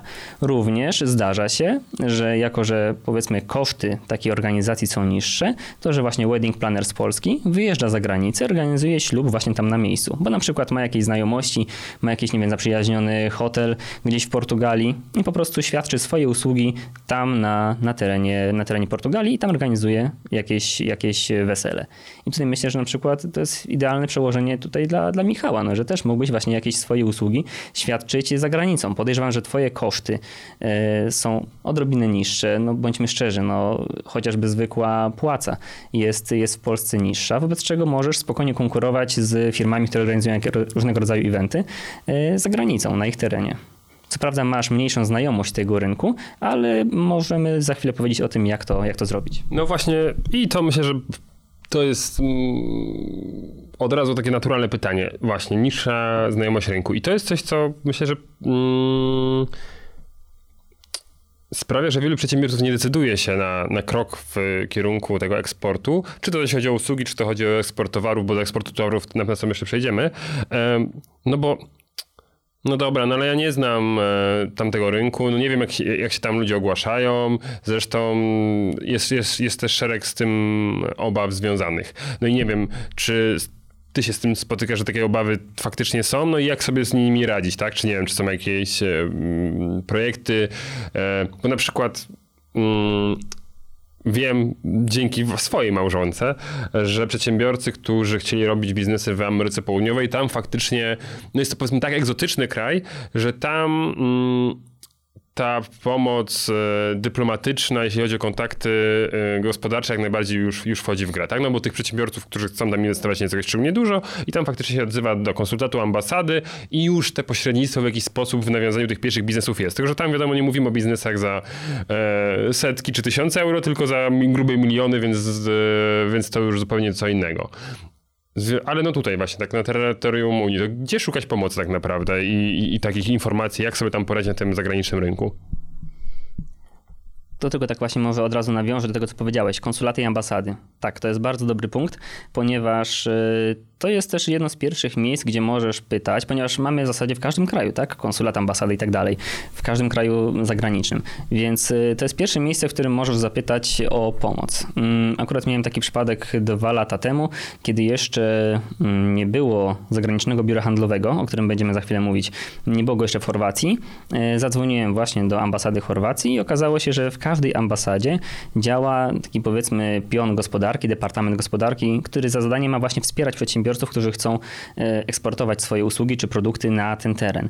I dlatego też przemiła pani właśnie z ambasady Polski w Chorwacji, pomogła mi mówiąc na przykład, że ok, już niedługo powstanie właśnie ZBH na terenie Chorwacji, natomiast póki co ona na przykład może mi powiedzieć, jakie produkty są najbardziej popularne, czego Chorwaci szukają, co chcą importować, na co jest największy popyt. Może też na przykład zweryfikować, czy to, co my chcemy eksportować, na przykład nasz, nasz produkt, czy jest dla niego miejsce na terenie Chorwacji, czy powiedzmy Hmm, proszę, proszę. Yy, Okej, okay. ona może to zweryfikować, czyli co, wykona tam dla nas część jakiegoś badania rynku, czy coś w tym stylu? Tak, dokładnie tak. E, działa to w ten sposób, że e, ambasada kontaktuje się na przykład z jakąś izbą handlową chorwacką i właśnie z nimi się konsultuje, czy jest miejsce na rynku chorwackim na import takiego właśnie towaru z Polski. I w ten sposób właśnie bada dla nas rynek. Jestem w tak ciężkim y, szoku, że nasze podatki idą na coś użytecznego, że, że nie wiem, czy do końca audycji. Michał, ale pamiętajmy, szoku. no bo tutaj to, co Paweł powiedział, faktycznie izby gospodarcze w sposób dosyć mocny też pomagają w wchodzeniu na nowe rynki, bo z tego, co pamiętam, są organizowane różnego rodzaju, no właśnie, misje gospodarcze, gdzie izba gospodarcza wyłania jakichś e, swoich partnerów, z którymi po prostu jadą za granicę do innej izby, właśnie tak jak tutaj Paweł powiedział, albo do konsulatu i e, robią spotkania networkingowe z innymi przedsiębiorcami, pomagają nawiązać relacje na rynku, więc to faktycznie działa. Tak, ale trzeba za to zabulić kasę mówiąc kolokwialnie. Ponieważ na przykład takie wyjazdy są organizowane, takie misje zagraniczne są organizowane bodajże przez e, zaraz BGK, nie, z kogoś innego. Natomiast te misje są z reguły płatne, czyli trzeba opłacić na przykład jakiś tam e, przelot, oczywiście nosek, ale też trzeba oczywiście zapłacić za organizację takiego, takiego spotkania, takiej misji biznesowej. Natomiast to, o czym będziemy dzisiaj mówić, e, w większości jest albo bezpłatne, albo bardzo mocno dofinansowane, wobec czego taki właśnie początkujący, raczkujący przedsiębiorca, który chce dopiero rozpocząć swoją przygodę z eksportem, e, gro tych kosztów ma kompletnie ograniczone albo wręcz w ogóle ich nie, nie ponosi. E, I ogólnie tak, zaczęliśmy od ambasady i konsulatu. Więc tak, ambasada, pierwszy krok, jeżeli w ogóle nie wiemy, nie mamy pomysłu, dokąd się kierować, albo jeżeli na przykład e, te właśnie nasze instytucje nie działają jeszcze w danym kraju, to kierujemy się do ambasady i ambasada nam udzieli takiej podstawowej pomocy właśnie na terenie, na terenie tego kraju. Czyli jeżeli to jest jakaś, nie wiem, totalna egzotyka, Afryka, chcemy handlować bronią, yy, przepraszam, yy, maseczkami i tymi i respiratorami. respiratorami, dokładnie, yy, tak, tak, tak. No to jeżeli chcemy właśnie tym handlować, odzywamy się do ambasady i ona nam powinna pomóc, czy właśnie na tą broń, respiratory jest tam miejsce, albo czy można to tam jakoś legalnie kupić. Natomiast mamy coś takiego, takie instytucje jak PFR, jak PARP, jak PAIH, e, jak KUKE, dużo będzie skrótów, tam zaraz je porozwijamy, które są instytucjami Skarbu Państwa albo posłurządowymi, są tam spółkami Skarbu Państwa. E, PFR może się troszkę źle kojarzyć, bo jak dobrze kojarzę, na początku pandemii tam była jakaś akcja ze skupywaniem e, jakichś tam obligacji czy czegoś takiego, jakieś tam były takie machloje, to pewnie może Piotr bardziej kojarzy. Natomiast Polski Fundusz Rozwoju, nie, Piotr nie kojarzy. No dobrze, to do tego jeszcze może wrócimy. PFR działał bodajże razem yy, z kim? Nie mniejsza o to, mniejsza o to. Skupimy się w takim razie na eksporcie. Polski Fundusz Rozwoju, e, jego strona jest e, bardzo przydatna, ponieważ można powiedzieć, że w taki jakby ogólny sposób agreguje, zbiera w jednym miejscu wszystkie metody wsparcia. Czyli jeżeli nie wiemy, gdzie szukać tego wsparcia w, w eksporcie, wchodzimy na PFR, wchodzimy na ekspansję zagraniczną i mamy od razu cały przegląd wszystkich możliwości, jakie dla nas tworzą e, kolejne etapy, takie powiedzmy podinstytucje, ponieważ one wszystkie należą do PFR-u, natomiast są właśnie tak jakby zebrane w jedną całość na stronie PFR-u i możemy po prostu te, te instytucje wyszukać. E, więc PFR, Polski Fundusz Rozwoju, polecam mm, wejść na ich stronę. Natomiast teraz skupmy się na, na szczegółach. Pierwszą taką ważną e, będzie Polska Agencja Rozwoju Przedsiębiorczości, czyli PARP. Mm, ona tutaj w tym momencie, jak sprawdzałem nawet wczoraj, świadczy dwie usługi, dwa takie powiedzmy programy wsparcia przedsiębiorców, które wydaje mi się, że mogą być bardzo ciekawe.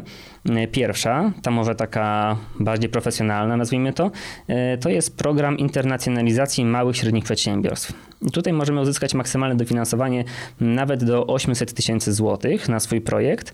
E, dotyczy on niestety tylko Polski Wschodniej, także niestety województwo śląskie się tutaj nie, nie kwalifikuje. Rozumiem, że Polska Wschodnia jako internacjonalizację zacznie sobie swoje usługi oferować, nie wiem, na Śląsku czy, woje, czy województwach zachodnich po prostu dalej, tak? Tak, tylko tej, tej drugiej połowie. Natomiast y, mówimy tutaj o regionach y, takich jak y, warmińsko-mazurskie, o województwach warmińsko-mazurskim, podlaskim, świętokrzyskim, lubelskim podkarpackim. Także mm, w tym momencie ten program dotyczy tylko i wyłącznie, mm, tylko i wyłącznie właśnie tych województw i przedsiębiorstwa Pomagają tylko z tych województw mogą skorzystać z tej pomocy. Więc jest to taki jakby właśnie program rozwoju przedsiębiorstw z tych rejonów. A to nie są przypadkiem Natomiast... też platformy startowe? Tego typu programy? E, mhm. Również. To też tak, to również tego dotyczy. Natomiast też, co warto zauważyć, mamy tutaj wymagany wkład własny. Jest to minimum 15%, więc nie jest to powiedzmy y, tak, tak przystępne dla raczkującego przedsiębiorcy w wykorzystaniu. Natomiast drugi projekt, który może tutaj y, dosyć fajnie brzmieć, to Erasmus dla młodych przedsiębiorców. I to jest y, ciekawy temat, ponieważ wkład własny to jest 0%, a maksymalne dofinansowanie to jest 6600 euro. I generalnie polega to na tym, że jeżeli mamy już jakiś pomysł na swój biznes, bo prowadzimy jakiś swój własny biznes, e, co najważniejsze, musimy go prowadzić maksymalnie 3 lata. Momencik, chyba tak, chyba 3 lata, e, ale dodatkowo możemy nawet tego biznesu jeszcze nie prowadzić, czyli dopiero mieć zamiar założenia własnej firmy i prowadzenia na przykład działalności właśnie takiej, e, niech będzie przykład wedding planera. Mm, czyli mamy zamiar, zgłaszamy się właśnie do Polskiej Agencji Rozwoju Przedsiębiorczości e, piszemy wniosek, że chcemy się rozwijać również za granicami. Mamy pomysł na organizowanie jakichś wyjątkowych wesel i ślubów poza granicami kraju i na przykład chcemy się skupić e, przykładowo na Hiszpanii. W tym momencie piszemy dobry biznesplan, jest tam oczywiście on weryfikowany pod e, względami formalnymi i tak dalej, też merytorycznymi i możemy uzyskać dofinansowanie w wysokości od, już tylko sobie spojrzę na moją ściągę, od 530 euro miesięcznie do 1100 euro, w zależności od regionu, e, przez maksymalnie bodajże 6 miesięcy. Czyli dlatego właśnie mamy tą łączną kwotę maksymalnie 6600, ponieważ mamy 1100 euro razy 6 miesięcy. Polega to na tym, że jeżeli nasz wniosek zostanie uznany, i, i tam komisja uzna, że ok, warto i jego projekt wygląda ciekawie i, i, i w porządku, e, wtedy PARP kontaktuje się z podobną instytucją na terenie Hiszpanii i mówi: Słuchajcie, mamy firmę, która ma bardzo fajny biznesplan, chce rozwijać swój biznes jako wedding planera e, na terenie właśnie Hiszpanii. Dajcie nam jakiegoś waszego wedding planera, który działa na tym rynku już od dłuższego czasu, a my go wyślemy do niego na taki powiedzmy staż. I w tym momencie nasza polska przyszła firma, albo już obecna firma, e, ta osoba jedzie na taki właśnie jakby sześciomiesięczny staż do Hiszpanii. E, to, co dostaje od PARP-u, to jest taką, takie powiedzmy jakby kieszonkowe na wydatki, czyli na przykład na pokrycie swojego mm, wynajmu mieszkania, na jakieś, nie wiem, wyżywienie, jakieś takie podstawy i dostaje taki coaching, czyli prawie jak u Piotra. Dostaje taki coaching e, właśnie u tego hiszpańskiego przedsiębiorcy z zakresu właśnie jak to się robi w Hiszpanii, czyli jak ten hiszpański wedding planner organizuje wesela, czyli czym się Hiszpana. wyróżnia i tak dalej. Dokładnie, na Hiszpana, e, też może być na Francuza. Super. E, tak, tak, tak. Więc to jest myślę ciekawy temat. O tym bardzo mało osób wie, ale właśnie ten Erasmus dla młodych przedsiębiorców myślę, to może być taka fajna furtka, tym bardziej, że Również to działa na terenie Polski, czyli na przykład jeżeli prowadzimy biznes tylko na terenie Polski, ale chcemy wzbogacić swoje portfolio i na przykład y, chcemy po prostu mieć wiedzę, jak to się robi za granicą, to myślę, że taka wiedza no, bardzo nam pomoże i też przy okazji zwiększy naszą konkurencyjność na rynku, ponieważ będziemy się mogli pochwalić, że no, tak, działamy na terenie Polski, ale również mamy doświadczenie z zagranicą. Byliśmy pół roku mm, i szkoliliśmy się pod okiem zaawansowanego właśnie przedsiębiorcy za granicą, e, więc mamy zdecydowanie większą wiedzę aniżeli nasza polska konkurencja. Okej, okay, to tutaj już mamy mm, miejsce, gdzie ewentualnie możemy szukać jakiejś, e, jakiejś dotacji czy wsparcia e, związanego z mentoringiem, z doradztwem. Natomiast w ogóle od czego zacząć, tak? Czyli prowadzę działalność w Polsce, Mm, e, czy produkcyjną, czy, czy zajmuje się usługami, e, ale chce wejść na rynki zagraniczne. I jak, jakie Twoim zdaniem pierwsze kroki powinien przedsiębiorca poczynić, e, żeby w ogóle no, wytypować dobry obszar na wejścia, na, wejścia na ten rynek? Znaczy tak, myślę, że pierwsze co możemy zrobić, to skorzystać znowu z tego, co oferuje mm, jeszcze PARP. Jeszcze przy nim zostaniemy w takim razie na chwilkę. E, Polska Agencja Rozwoju Przedsiębiorczości jest instytucją, która opiekuje się czymś takim jak EEN, czyli to jest e, European Enterprise Network przepraszam, Enterprise Europe Network. Tak, Enterprise Europe Network to jest założona w 2008 roku instytucja, która jest kierowana przez Komisję Europejską i właśnie w Polsce obsługuje ją e, PARP. I ta instytucja działa w ten sposób, że łączy przedsiębiorców. To znaczy ma swoją gigantyczną bazę takich jakby powiedzmy kontaktów, czy, czy nazwijmy to inaczej ofert, w której możemy się bezpłatnie zapisać. I działa to w ten sposób, że zapisujemy się do tej bazy, anonimowo. I nasza taka jakby wizytówka i krótki opis naszej działalności jest publikowany na ich stronie. Następnie, jeżeli jakiś zagraniczny kontrahent uzna, że interesuje go nasza oferta, e, kontaktuje się ze swoim oddziałem EEN, który kontaktuje się z naszym polskim oddziałem EEN, e, wymieniają się informacjami na temat tego, że, że właśnie jest takie zainteresowanie, czyli polski przedsiębiorca dostaje informację, że jest zainteresowanie jego ofertą z zagranicy, na przykład powiedzmy z Rumunii, i w tym momencie polski przedsiębiorca podejmuje decyzję, czy, czy chce po prostu ten kontakt podjąć. Jeżeli tak, to następuje wymiana informacji między firmami, już dane kontaktowe i tak dalej. I w tym momencie za darmo otrzymaliśmy klienta. To też oczywiście działa w drugą stronę, czyli jeżeli nas zainteresuje wizytówka jakiejś firmy zagranicznej, to w tym momencie my się zgłaszamy do tego właśnie naszego oddziału e, Enterprise Europe Network. On się kontaktuje z tym na przykład, niech będzie znowu rumuńskim, e, ten się kontaktuje ze swoim powiedzmy podmiotem, tym właśnie na terenie Rumunii i pyta, że słuchaj, jakiś Polak chce z tobą pohandlować, na przykład y, to jest jego wizytówka, że zajmuje się tym i tym, bardzo ogólnie e, i czy chcesz udostępnić mu swoje dane kontaktowe. Jeżeli tak, no to w takim razie te dane są przekazywane i już przedsiębiorcy mają kontakt do siebie bezpośredni. E, w tym momencie dalej to działa, z tego co widziałem. Oczywiście było to troszkę powiedzmy zmniejszone, ponieważ no, wiadomo, jaka była sytuacja. Natomiast mam takie przykładowe jakby tytuły. Y, podkreślam, że to właśnie muszą być anonimowe, tak jakby wizytówki, czyli nie może być bezpośredniego wskazania na przykład na markę, na, na nazwę firmy. Dlatego na przykład mamy...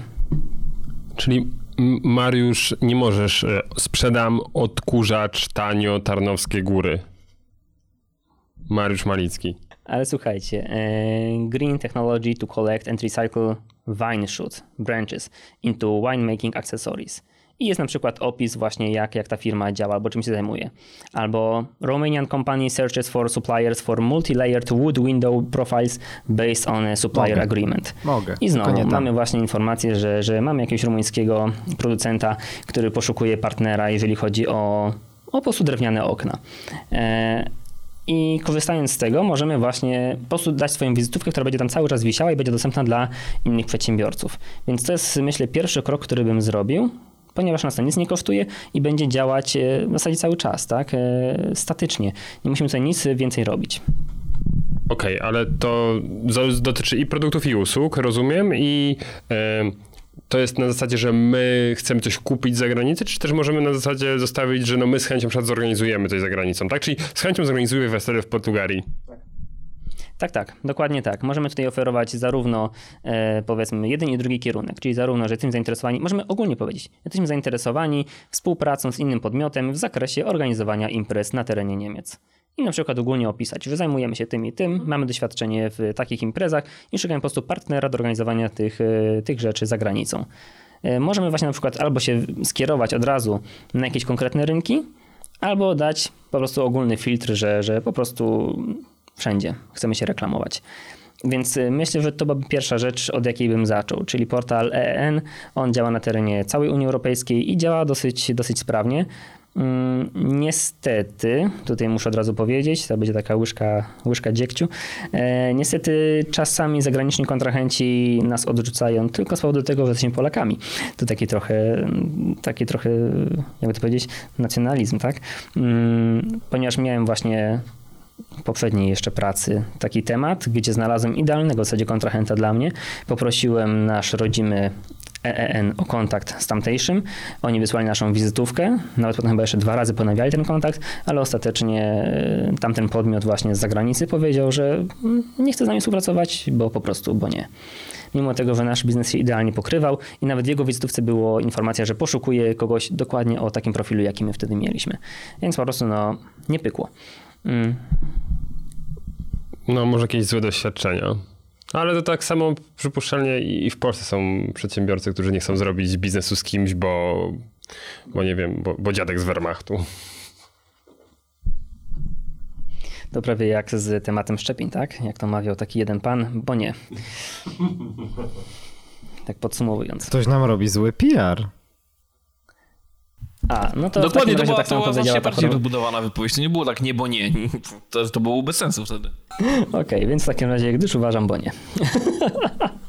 E, to jest pierwszy temat. Natomiast drugi jest dużo bardziej rozbudowany i też dużo bardziej mm, precyzyjny i warte poświęcenia nawet, nie wiem, całego podcastu na to, ponieważ to jest tak rozbudowane narzędzie. Mówimy tutaj mianowicie o polskich agencjach inwestycji i handlu, w skrócie PAIH. E, Ta instytucja e, ma tutaj mnogość ofert, mnóstwo z jakichś takich funkcjonalności, natomiast skupimy się może od razu na tej najważniejszej, czyli ZBH. Mianowicie zagraniczne biura handlowe są to takie no, są to po prostu, jak nazwa wskazuje, biura handlowe, y, które działają na terenie danego kraju. Działają może nie tak jakby razem z ambasadą, ponieważ są to odrębne instytucje. Wcześniej, jeszcze kilka lat temu, jakieś bodajże 5 lat temu, były tak zwane WPHI, czyli Wydziały Przedsiębiorczości, Handlu i Inwestycji. One faktycznie działały razem z ambasadą. Natomiast potem postanowiono to wydzielić i stworzyć właśnie spółkę e, PAIH. I teraz y, te właśnie zagraniczne biura handlowe działają powiedzmy w porozumieniu z ambasadą, mają z nimi bardzo dobry kontakt, natomiast są osobnym podmiotem. Um. Myślę, że tak tylko szybko nawiążę. Działają na tyle blisko ze sobą, że na przykład kiedy podpisywaliśmy kontrakt z naszym węgierskim kontrahentem, no to PAIK zagadał do swoich przyjaciół w ambasadzie i kontrakt podpisywaliśmy właśnie w budynku ambasady. Także było bardzo przyjemnie i też taka fajna wizytówka, e, że, no, że się da. Klient się poczuł bardzo doceniony, że w ambasadzie go przyjmujemy. Mm, Była nawet bodajże jakaś pani sekretarz z węgierskiej, znaczy z polskiej ambasady na Węgrzech w Budapeszcie, więc e, w bardzo fajnych okolicznościach. Czyli właściwie ambasada zrobiła dla was takie biuro coworkingowe. Tak, można tak powiedzieć. I też, e, o, o tym właśnie warto wspomnieć, tylko nawiążę, że tak, ambasady również udostępniają swoje przestrzenie biurowe. Dlatego nie tylko na takie wyjątkowe okazje, natomiast też jeżeli na przykład właśnie nie ma e, zagranicznego biura handlowego w danym kraju, to również ambasada może wam umożliwić e, orga- organizowanie spotkania w swoim budynku, w swoich, e, w swoich salach, a także właśnie na jakąś taką przestrzeń coworkingową wygospodarować miejsce. Natomiast ZB za darmo, znaczy za darmo, no płacisz to podatkami. Jakby nie było. Właśnie. E, to mnie najbardziej uderzyło. Poczekaj skutkę. Mariusz już widzę jak na swojej stronie. Teraz poszuka wyszukiwarka ambasad i wpisze, że ma biuro w każdym Kurwa, za darmo? miejscu na świecie. Gdzie tylko jest polski konsulat, ambasada, Mariusz będzie miał siedzibę zagraniczną. Już, mi, już za to płacę i nie korzystam? Dobre, to jest dobre. Słuchaj, ja sobie napiszę tak. Worldwide Vacuum kilku lat, Sales. odkąd jestem przedsiębiorcą, nie wykorzystywałem jeszcze swojej przestrzeni biurowej. Proszę o wypłacenie ekwiwalentu Dziwnym trafem twój oddział na Węgrzech będzie się pokrywał z adresem ambasady polskiej na Węgrzech. Zbieg okoliczności. Nie, on tam będzie miał A, taką widzisz? e, ten, komórkę prawnik, na e, jak są, to tam zajmie. będzie Piotruś. miał skrytkę. Jak Mariusz Max Kolonko, Boston, Massachusetts. Tutaj będzie. Tak, tak. Okej. E, Dobrze. seksownie brzmi. ZBH to właśnie to jest taki, taki nasz pierwszy kontakt, jaki powinniśmy mieć, jeżeli chodzi o ekspansję zagraniczną. E, ZBH to są przede wszystkim eksperci. To są ludzie, którzy spędzili za granicą w danym kraju, w danym mieście, na przykład właśnie w tym, nie będzie ten Budapeszt. Akurat tutaj będę być może często do tego Budapesztu nawiązywał, ponieważ faktycznie pomogli mi najwięcej. To było Polak, Węgier, dwa bratanki. Dokładnie, dokładnie. E, Lędziel Madziar to je Barat, jak to mówią po węgiersku. E, pomogli mi najwięcej i też mogę... Borat, a to Kazachstan, a nie Węgry. E, pomogli mi najwięcej. E, też to wsparcie było ogólnie najszersze, można powiedzieć, ale to też dlatego, że PAIH węgierski bardzo prężnie działa.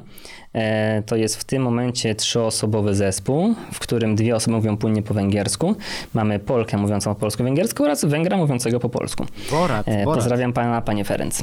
Bardzo miło się współpracowało. I teraz ZPH zaczyna od analizy rynku. Ferency. Otóż e, zgłaszamy się Adam do Ferency. nich, dzwonimy. Pomyliłeś się. Ferency. E, Dzwonimy do nich albo piszemy i zgłaszamy się, że chcemy eksportować nasze usługi albo produkty na Węgry i że mamy taki a taki pomysł. Co o tym sądzicie? Następnie właśnie ZBH y, sprawdza, czy nasz pomysł w ogóle ma ręce i nogi, czy jest potencjał, czy na przykład nie ma jakichś tutaj blokad, y, czy na przykład jakieś przepisy są potrzebne do spełnienia, albo jakieś na przykład dokumentacja, cokolwiek. Czyli sprawdza tak jakby tak wstępnie formalności, czy możemy taki produkt eksportować. Następnie badają, oczywiście swoimi siłami, y, jakiś tam robią taki wstępny research na internecie, czy, czy po prostu jest potencjał, czy, czy, czy, to, czy to po prostu zadziała. Jeżeli tak, no to zaczynamy działać. E, ich praca polega na tym, że mają wspierać polskiego, polskiego przedsiębiorcę właśnie w tej ekspansji na wszystkie możliwe sposoby. Wobec czego na przykład e, skończyło się tak, że otrzymaliśmy darmowe tłumaczenie. Wysłaliśmy do nich naszą broszurę, to była kilkustronicowa broszura. Akurat mieli wolne moce przerobowe, zajęli się nią i przetłumaczyli ją kompletnie za darmo na język węgierski. Wzięli właśnie pana Ferenca, jeszcze raz pozdrawiam, i pan Ferenc przez kilka dni tłumaczył naszą broszurę z polskiego na węgierski i mieliśmy za darmo PDF-a e, po węgiersku. Oprócz tego mm, mają dostęp do takich płatnych baz z przedsiębiorcami danego kraju. Więc na przykład wyszukali i dostarczyli nam bazę przedsiębiorstw, które odpowiadają naszym, naszym potrzebom. W tamtym momencie akurat zajmowałem się materiałami budowlanymi. To są przedsiębiorstwa na miarę naszych możliwości. dokładnie tak, dokładnie tak. E, oczywiście potem jakaś taka weryfikacja, to już leży po naszej stronie, więc powinniśmy na przykład e, napisać jakiegoś maila do tych wszystkich, e, taki mailing zrobić, tak, do tych przedsiębiorców. Natomiast również, jeszcze raz, pracownicy ZBH nam maila przetłumaczyli na język węgierski. Więc jak wysyłaliśmy naszego maila takiego powiedzmy powitalnego, to wysyłaliśmy go już w języku węgierskim z broszurą w języku węgierskim również. A to no, otwierało nam dużo więcej drzwi, aniżeli pisanie choćby po angielsku. Akurat Węgrzy są pod tym względem dosyć średni jeżeli chodzi o komunikację w języku angielskim, natomiast no powiedzmy dają radę. Ale jednak jak usłyszą, czy tam przeczytają węgierskiego maila, jest im dużo przyjemniej. A już tym bardziej pochodzi z Polski. Węgrzy nas absolutnie kochają. Doszło do tego, że kiedy już umowa była podpisana, zaoferowaliśmy klientowi, że e, słuchaj, to w takim razie dostarczymy ci jakieś tam banery, flagi i tak dalej. E, ja mówię, tylko tylko słuchaj, musimy w takim razie mm, je przetłumaczyć na język węgierski. On mówi, nie, nie, nie, nie trzeba. Ja mówię, jak to nie trzeba? On mówi, właśnie dobrze jest. Tam macie polskie napisy, prawda? Ja mówię, no tak, on, no to idealnie, ponieważ Węgrzy rozpoznają polską czcionkę, rozpoznają polskie, polskie słowa i mi się tak dobrze kojarzą, że właśnie flaga z polskimi napisami i logiem produktu działała jeszcze lepiej. Wyczuwam po tym podcaście dużo zainteresowania rynkiem węgierskim wśród słuchaczy i e, od razu współczujemy ambasadzie e, ilości zapytań. Już nie będą mieli wolnych mocy na przerobowych na tłumaczenia. Przedsiębiorcy z wyboru. Podcast dla naznaczonych biznesem. Okej, okay, to pytanie takie, e, Paweł, bo tutaj, tak jak powiedziałeś, dużo mówiłeś o, o naszym e, przyjacielu, e, a mianowicie o Węgrzech, natomiast e, w innych ambasadach działa to podobnie? W sensie masz jakieś, e, w, czy w konsulach masz jakieś doświadczenie albo jakieś przykre doświadczenie na zasadzie, no na co też uważać? Mm, znaczy tak, y, od razu mówię, pamiętajcie, że jeżeli jest gdzieś ZBH, czyli jeżeli gdzieś PAIH działa w formie swojego zagranicznego biura handlowego, to w pierwszej kolejności kierujemy się do nich. Okay. To są prawdziwi eksperci, mają znajomość rynku, także ambasada to ostateczność, y, kiedy już po prostu nie ma innej możliwości. Czyli kiedy nie ma ZBH, kierujemy się do ambasady, ale tak, to w pierwszej kolejności jednak sprawdzajmy, czy to ZBH tam istnieje. Y, czasami też się zdarza, że na przykład ZBH jest dosyć nowe, jeszcze ich nie ma w terenie, ale są już w Polsce, siedzą w Warszawie i też jakąś znajomość rynku mają. Często też starają się zatrudniać osoby, które na przykład są właśnie dwujęzyczne albo na przykład pochodzą z danego kraju, e, aby właśnie znali bardziej te realia tam panujące. E, mam bardzo dobre doświadczenia również na przykład z Austrią i z Niemcami. Austria, no to na przykład y, tamtejsza kierowniczka mm, ZDBH jeździła ze mną w zasadzie na każde spotkanie, jakie mieliśmy, a były to fajne spotkania z dużymi przedsiębiorcami i krótko mówiąc, no wspierała mnie tutaj lingwistycznie, czyli po prostu robiła, brzydko mówiąc, za tłumacza. Natomiast faktycznie jej wsparcie było bardzo dobre i też to dobrze oddziaływało na naszego potencjalnego y, kontrahenta, ponieważ widział, że u, przyjechał ktoś ważny, ktoś, kto może się powiedzmy wylegitymować tym, że, że mm, reprezentuje również y, polską instytucję, czy wręcz polski rząd, może tak to trochę naciągnąć, że mm, ok, czyli skoro ten przedsiębiorca przyjeżdża z kimś takim, kto właśnie działa w spółce Skarbu Państwa, no to w takim razie ten przedsiębiorca cieszy się ich zaufaniem, jest to, jest to mm, porządny tak, przedsiębiorca. Natomiast na przykład w Niemczech e, tamtejszy ZBH niesamowicie im pomógł, ponieważ Niemcy mają różnego rodzaju swoje e, wyłączne certyfikaty. E, I tutaj na przykład nie liczy się dla nich to, że nasze, że nasze produkty spełniały wszystkie normy europejskie. Oni chcieli koniecznie swoje certyfikaty. A okazało się, że kiedy się zgłosiliśmy do niemieckiego instytutu, aby taki certyfikat wyrobić, instytut powiedział, że mm, w ramach jakichś tam przepisów, powiedzmy, antykorupcyjnych nie mogą tak jakby od nas wymagać tego certyfikatu i jednocześnie nie mogą nam tego certyfikatu wyrobić. Ponieważ skoro mamy polskie, e, skoro spełniamy normy europejskie, no to to jest ok i, i tyle. Natomiast klienci byli podejrzliwi i cały czas klienci pytali, no dobra, ale tego certyfikatu stricte niemieckiego nie macie. I tutaj właśnie wszedł, wszedł ZBH, wszedł kierownik tego ZBH niemieckiego, e, zadziałał z tą instytucją, z tym powiedzmy organem, który tam te certyfikaty wydawał, pogadał z nimi odpowiednio i skończyło się tak, że dostaliśmy oficjalne pismo od tej właśnie instytucji certyfikującej, że firma XYZ nie potrzebuje żadnych niemieckich e, certyfikatów, ponieważ spełnia wszystkie normy europejskie i jednocześnie spełnia też te normy, które są w tym certyfikacie zawarte. dostaliśmy oficjalne pismo z pieczątką, z logo tej właśnie instytucji, wobec czego mogliśmy spokojnie już działać i klienci takie coś spokojnie mm, odbierali, że ok, mają już raz do tego zaufanie, mogą w takim razie to bezpiecznie kupować. Więc y, tak, miałem też y, tutaj do czynienia z ZBH na przykład w Norwegii. Y, tamtejsza pani, ówcześnie to była pani Marta Lena, bardzo się nami dobrze zaopiekowała i zaprosiła nas na targi. To były targi materiałów budowlanych ponieważ wtedy już mieliśmy jakąś powiedzmy renomę wśród y, właśnie kierowników y, ZBH, no to usłyszała o nas, że właśnie jest taka firma, która się tym i tym zajmuje i że fajnie działa przy pomocy właśnie paichów w innych krajach, no to się z nami skontaktowała, że są takie targi materiałów budowlanych, czy chcemy też na nie wpaść. Oczywiście, że chcemy. Y, działa to w ten sposób, że paichy, jak tylko mają odpowiednie środki, są fajne targi, to wykupują przestrzeń na tych targach i powstaje tam stoisko narodowe. I na przykład dzięki temu na Węgrzech wystawialiśmy się chyba trzy razy. Tak, trzy razy. Za darmo wystawialiśmy się na gigantycznym 70-metrowym stoisku, gdzie mogliśmy zaprezentować e, swoje produkty, mogliśmy sobie tam cały dzień spędzić, tam przyjmować gości i tak dalej. Więc w zasadzie jedynym moim kosztem było dojechanie i nocleg. A przestrzeń, przestrzeń taka powiedzmy e, targowa była już opłacona właśnie przez PAIH. Stoisko naprawdę... Mm, Czasami może jak byliście na targach, to widzieliście jakieś takie, takie biedne stoiska metalowe, jakaś tam konstrukcja, jakaś tam tabliczka mała, biało na czarnym, znaczy czarno na białym napisane. E, tutaj stoisko to po prostu była wyższa szkoła jazdy. Było przepiękne, fajnie zabudowane. E, no naprawdę wyglądało to niesamowicie solidnie. E, więc tak, darmowe targi, krótko mówiąc. Jeżeli chcecie się wystawić, macie towar, który możecie wystawić, no to jedziecie na targi. Jeżeli tylko PA ich uzna, że te targi są interesujące i mają potencjał i na przykład uzbiera jeszcze inne firmy z podobnego segmentu, które też będą zainteresowane, wykupuje powierzchnię i się tam wystawia. Jest stoisko narodowe biało-czerwone. Prężnie działające, dumnie wyglądające. Natomiast od nawiążę do, do czegoś podobnego, ponieważ Również w takim segmencie, czyli właśnie wystawiania się na targach, można kontaktować się z. E, tutaj chciałem powiedzieć o departamentach gospodarki działających przy urzędach marszałkowskich.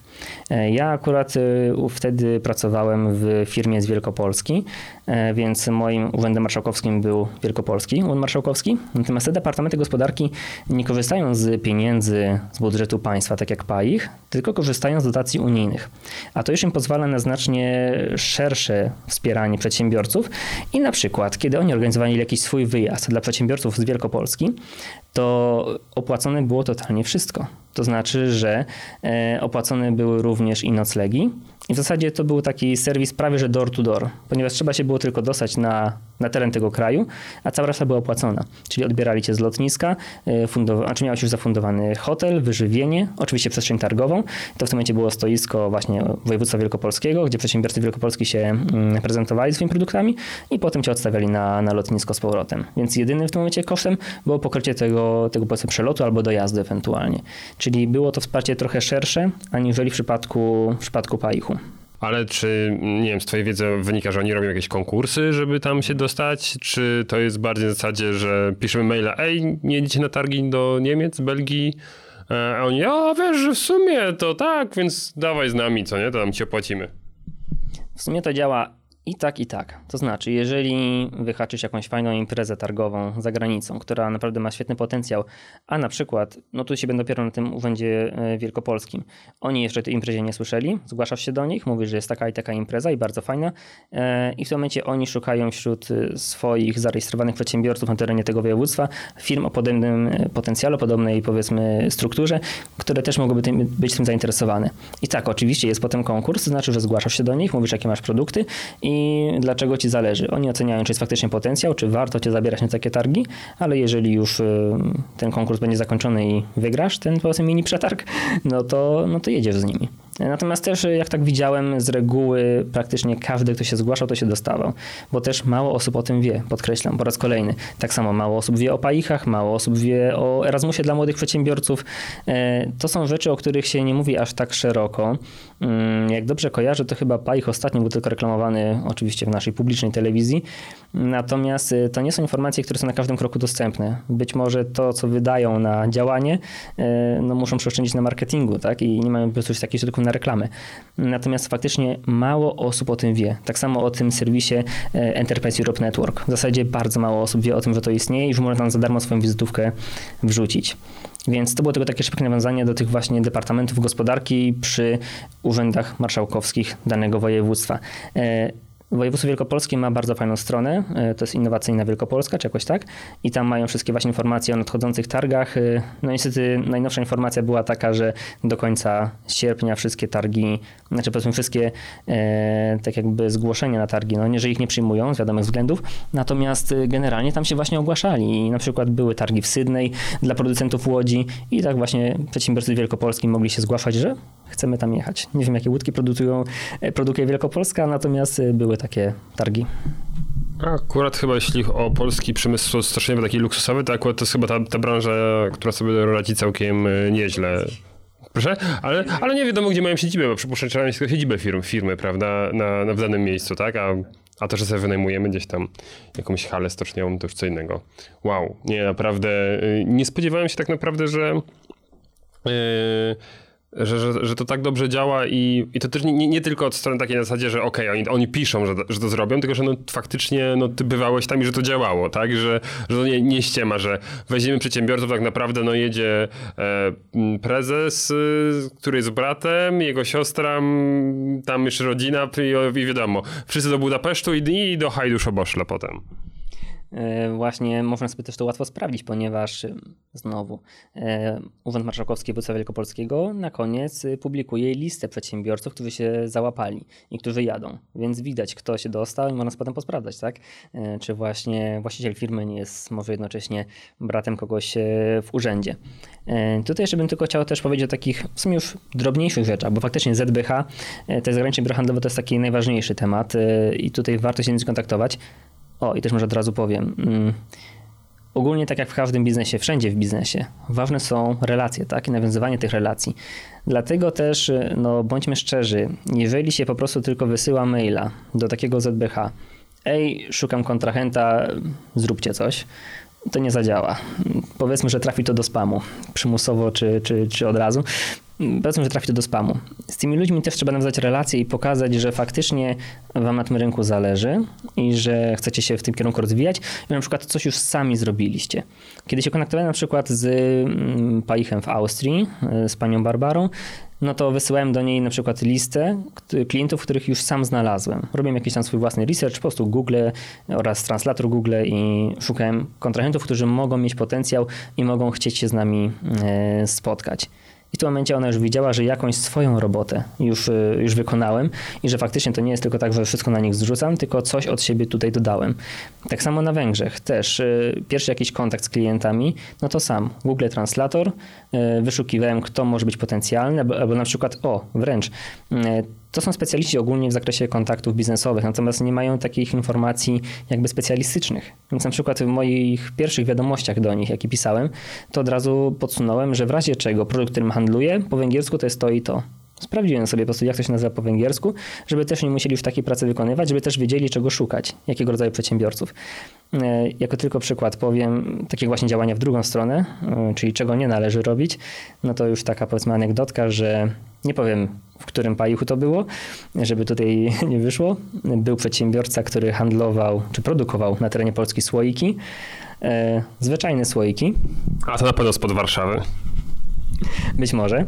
E, taka powiedzmy troszkę firma Kogucik, kontakt z nimi cholernie utrudniony, e, telefonu nie odbierali, mail to już w ogóle to nie ta epoka przecież, czyli sobie coś jak u Piotra.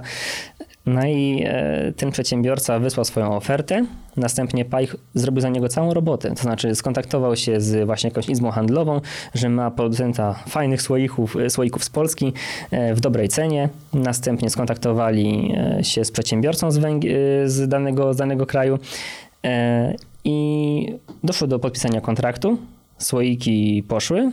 Koleś zarobił tam szacowali, że jakieś chyba kilka milionów na tym, bo to był gigantyczny transport słoików i ślad po nim zaginął. Nie zrobił praktycznie totalnie nic, poza tym, że podpisał chyba tam jakąś umowę czy kontrakt i, i koniec. No i w tym momencie no, nie ma co ukrywać. E, taki kierownik danego ZBH czuje się troszkę, e, że tak powiem, wykorzystany, tak? Ponieważ odbył całą robotę, a tutaj mm, ani me, ani B, ani kukuryku, nic nawet w zamian nie dostał żadnego podziękowania za pomoc w tym, w tym pośredniczeniu. Dlatego przede wszystkim warto coś dać od od siebie, wykazać jakieś zainteresowanie, cokolwiek zrobić, ponieważ też w tym momencie ci ludzie będą bardziej skłonni nam pomóc i też w znacznie szerszym zakresie. No, chodzi o to, żeby postrzegać ich jako partnerów tak naprawdę, a nie jako, jako, jako nie wiem... Dzisiaj dużo było o poczcie, więc jako, jako, jako coś, co nam się należy po prostu. Jako nie? co, Mariusz?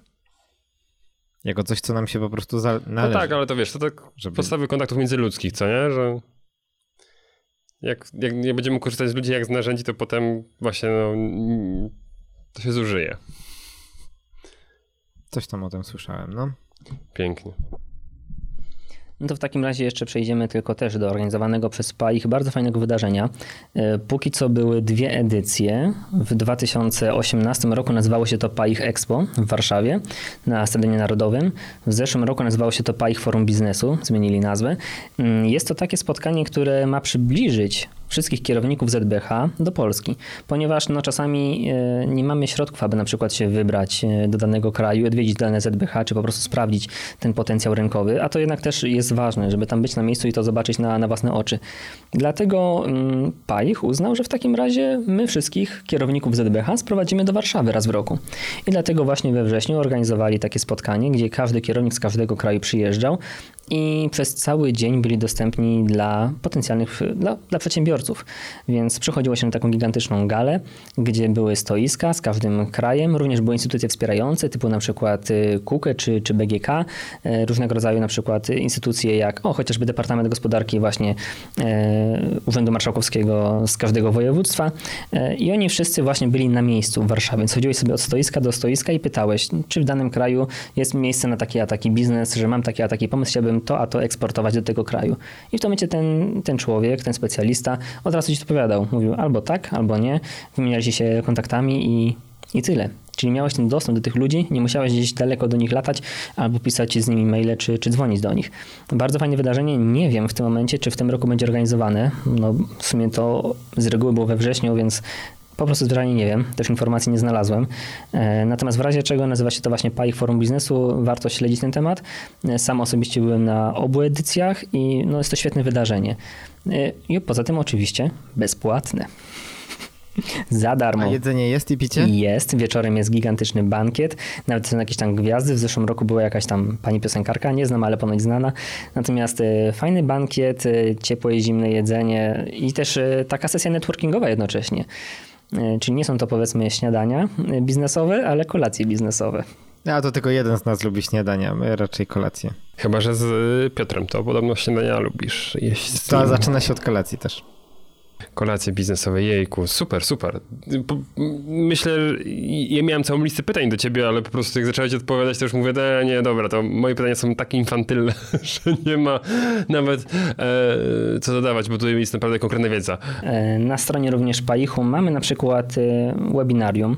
Jest kilka webinariów, na przykład szanse dla sektora medycznego na Węgrzech i w Tajlandii, albo możliwość eksportu do Danii i Szwecji dla sektora spożywczego. Warto się na to zarejestrować i właśnie poczytać, czy, czy po prostu dowiedzieć się na ten, na ten temat. Też to właśnie są webinary organizowane przez tych właśnie kierowników tych ZBH-ów.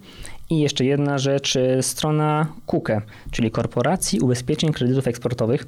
Na stronie KUKE mamy mapę rynków eksportowych. Po wejściu na taką mapę i kliknięciu na dany interesujący nas kraj, dostajemy wszystkie informacje, jakie, jakie potrzebujemy, czyli na przykład jakie jest obecnie PKB, jaki jest ich wskaźnik w doing business. Czyli w sumie taki, który dosyć dobrze nam mówi o tym, czy warto się tam y, tym krajem zainteresować. Jakie towary były najczęściej importowane i eksportowane z Polski albo do Polski, z tego właśnie kraju. Więc y, garść takich y, najpotrzebniejszych informacji jest tam dostępna. I znowu właśnie KUKE też działa w ramach, w ramach PFR-u. Także można powiedzieć, że, wszystkie te instytucje, PARP, PAIH, KUKE, wszystko jest właśnie podpięte pod jeden PFR. Przedsiębiorcy z wyboru. Podcast dla naznaczonych biznesem. Dzięki Pawle, bo to naprawdę myślę, że to było mega mięsiste, aż tutaj krew wypływa jeszcze. Y, tyle tego było i ja sam po tym odcinku e, wracam i co najmniej dwa działania sobie wynotowałem, które w swojej firmie będę wdrażał, bo ostatnio odpaliśmy już profesjonalną stronę w obcym języku, która nie jest, nie w czechosłowackim, nie tak jak Piotr, tylko, tylko po angielsku, więc teraz mam nadzieję, że już e, będziemy też wiedzieli, jak z naszymi usługami wyjść na ten rynek zagraniczny. Także proszę bardzo, może się, może, mo, może się zwróci ten zainwestowany czas w te 60, ile? 4, 5 odcinków podcastu, jakoś tak. I, i bardzo ładnie yy, rozwiniemy swoje działalności też na, na, na zachód, południe.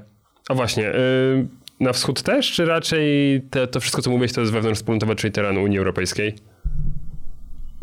Generalnie ZBH działają wszędzie, czyli na północy, i na południu, na wschodzie, na zachodzie, na każdym kontynencie mają swoje oddziały. E, także można się z nimi kontaktować totalnie wszędzie. Z tego co wiem, to jest ZBH w Rosji, chyba właśnie w Kazachstanie też już jest. E, także można się tam z tym, jak to się nazywało? Mere? Mera? Tak? Coś tam można poodwiedzać. A to głównie to, to się Michała, o Rosję to, to się Michała pytaj. A, no tak, Michał. No tak, tak, tak. E, natomiast też mogę powiedzieć, e, okej, okay, co prawda jestem tutaj strasznym etaciarzem, ale gdyby, gdyby też ktoś e, po prostu potrzebował jakiejś takiej właśnie pomocy i wsparcia, myślę, że jakąś tam wiedzę w ciągu tych ostatnich kilku lat korzystania z tych instytucji posiadam. Więc można zrobić z tego powiedzmy takie ala testowanie biznesu. Jeżeli ktoś po prostu ma taką potrzebę i myśli właśnie o eksporcie, czy to produktów, czy usług, może się do mnie zgłosić. Myślę, że coś tam razem wykombinujemy i, i może chociaż coś będę w stanie podsumować usunąć. Okej, okay, to jak cię znaleźć w internetach? Najprościej chyba na LinkedInie, czy nawet na Facebooku kontaktować się ze mną. Tu podlinkujemy. No, dokładnie. Jak zawsze dokładnie. Zrobimy sobie właśnie takie testowanie biznesu. Kto wie, czy może za kilka lat, czy może prędzej niż później zrobi się z tego właśnie jakiś przedsiębiorca i będę mógł faktycznie dumnie powiedzieć, że już nie jestem osobą transetatową. Pięknie. Nie wstydź się bycia trans. Nie wstydź się. Tak. Mariusz długo e, godził się z tą częścią siebie, ale no jak widać teraz z dumą e, nosi to w sercu. Tęczę w sercu. Dobrze, drodzy słuchacze, no mamy nadzieję, że notatki z tego odcinka macie solidne. Wszystkie linki, o których mówił Paweł, e, wrzucimy do opisu tego odcinka, także mm, tam sobie możecie je, je znaleźć. I co? Dziękujemy Ci, Pawle, bardzo za to, że do nas przyjechałeś, że po ponad kwartale i, i po tym, jak świat został przewrócony do góry nogami, e, przeszliśmy tej naszej rozmowy o eksporcie. My czuliśmy, że, że będzie warto. Było warto przyjechać? Zdecydowanie tak. Ta atmosfera tutaj panująca w studiu i też powiedzmy w zdalnym studiu jest niesamowita, także zdecydowanie warto, polecam. tak, i możliwość bezkarnego obrażenia Piotra. A zatem... E do usłyszenia, drodzy słuchacze, w następnym odcinku podcastu Przedsiębiorcy z Wyboru, a dzisiaj przy mikrofonach byli z wami Michał Kucharski, Mateusz Majk, Mariusz Malicki, a coming out robi dzisiaj Piotr Łysko e, oraz naszym gościem był Paweł Borgieł. Okej, okay, to dzięki, do usłyszenia za tydzień, cześć! Cześć! Pa! Przedsiębiorcy z wyboru. Podcast dla naznaczonych biznesem. Porady, studium przypadków, nowinki, analizy, dyskusje, rozmowy, opinie. Cięta riposto, spierdalaj. A wiecie, co robią lekarze w kuchni? Leczą. Przecież zobacz sobie nazwę w, C, zobacz sobie nazwę w CDG Mariusza. On jest Kutarz, Mariusz Kutarz. Ale nie, ale jak to dowcip? To był dowcip? To to, to, to nie... Przecież to miało sens. Ja chcę jeszcze nagrać pozdrowienia dla mamy, taty, siostry, mojego, mojego przyjaciela i przede wszystkim dla mojej ukochanej. Chciałem pozdrowić wszystkich i podziękować za tą, za tą okazję, że mogę tutaj być, za tą nagrodę. E, Naprawdę jestem wdzięczny mojemu producentowi. E, Bardzo, bardzo wszystkim dziękuję. Jestem wzruszony. Jako lokalny patriota pochodzący z Czechowic, no to oczywiście słucham Stachurskiego. Do skoza. To skoza, to skoza, to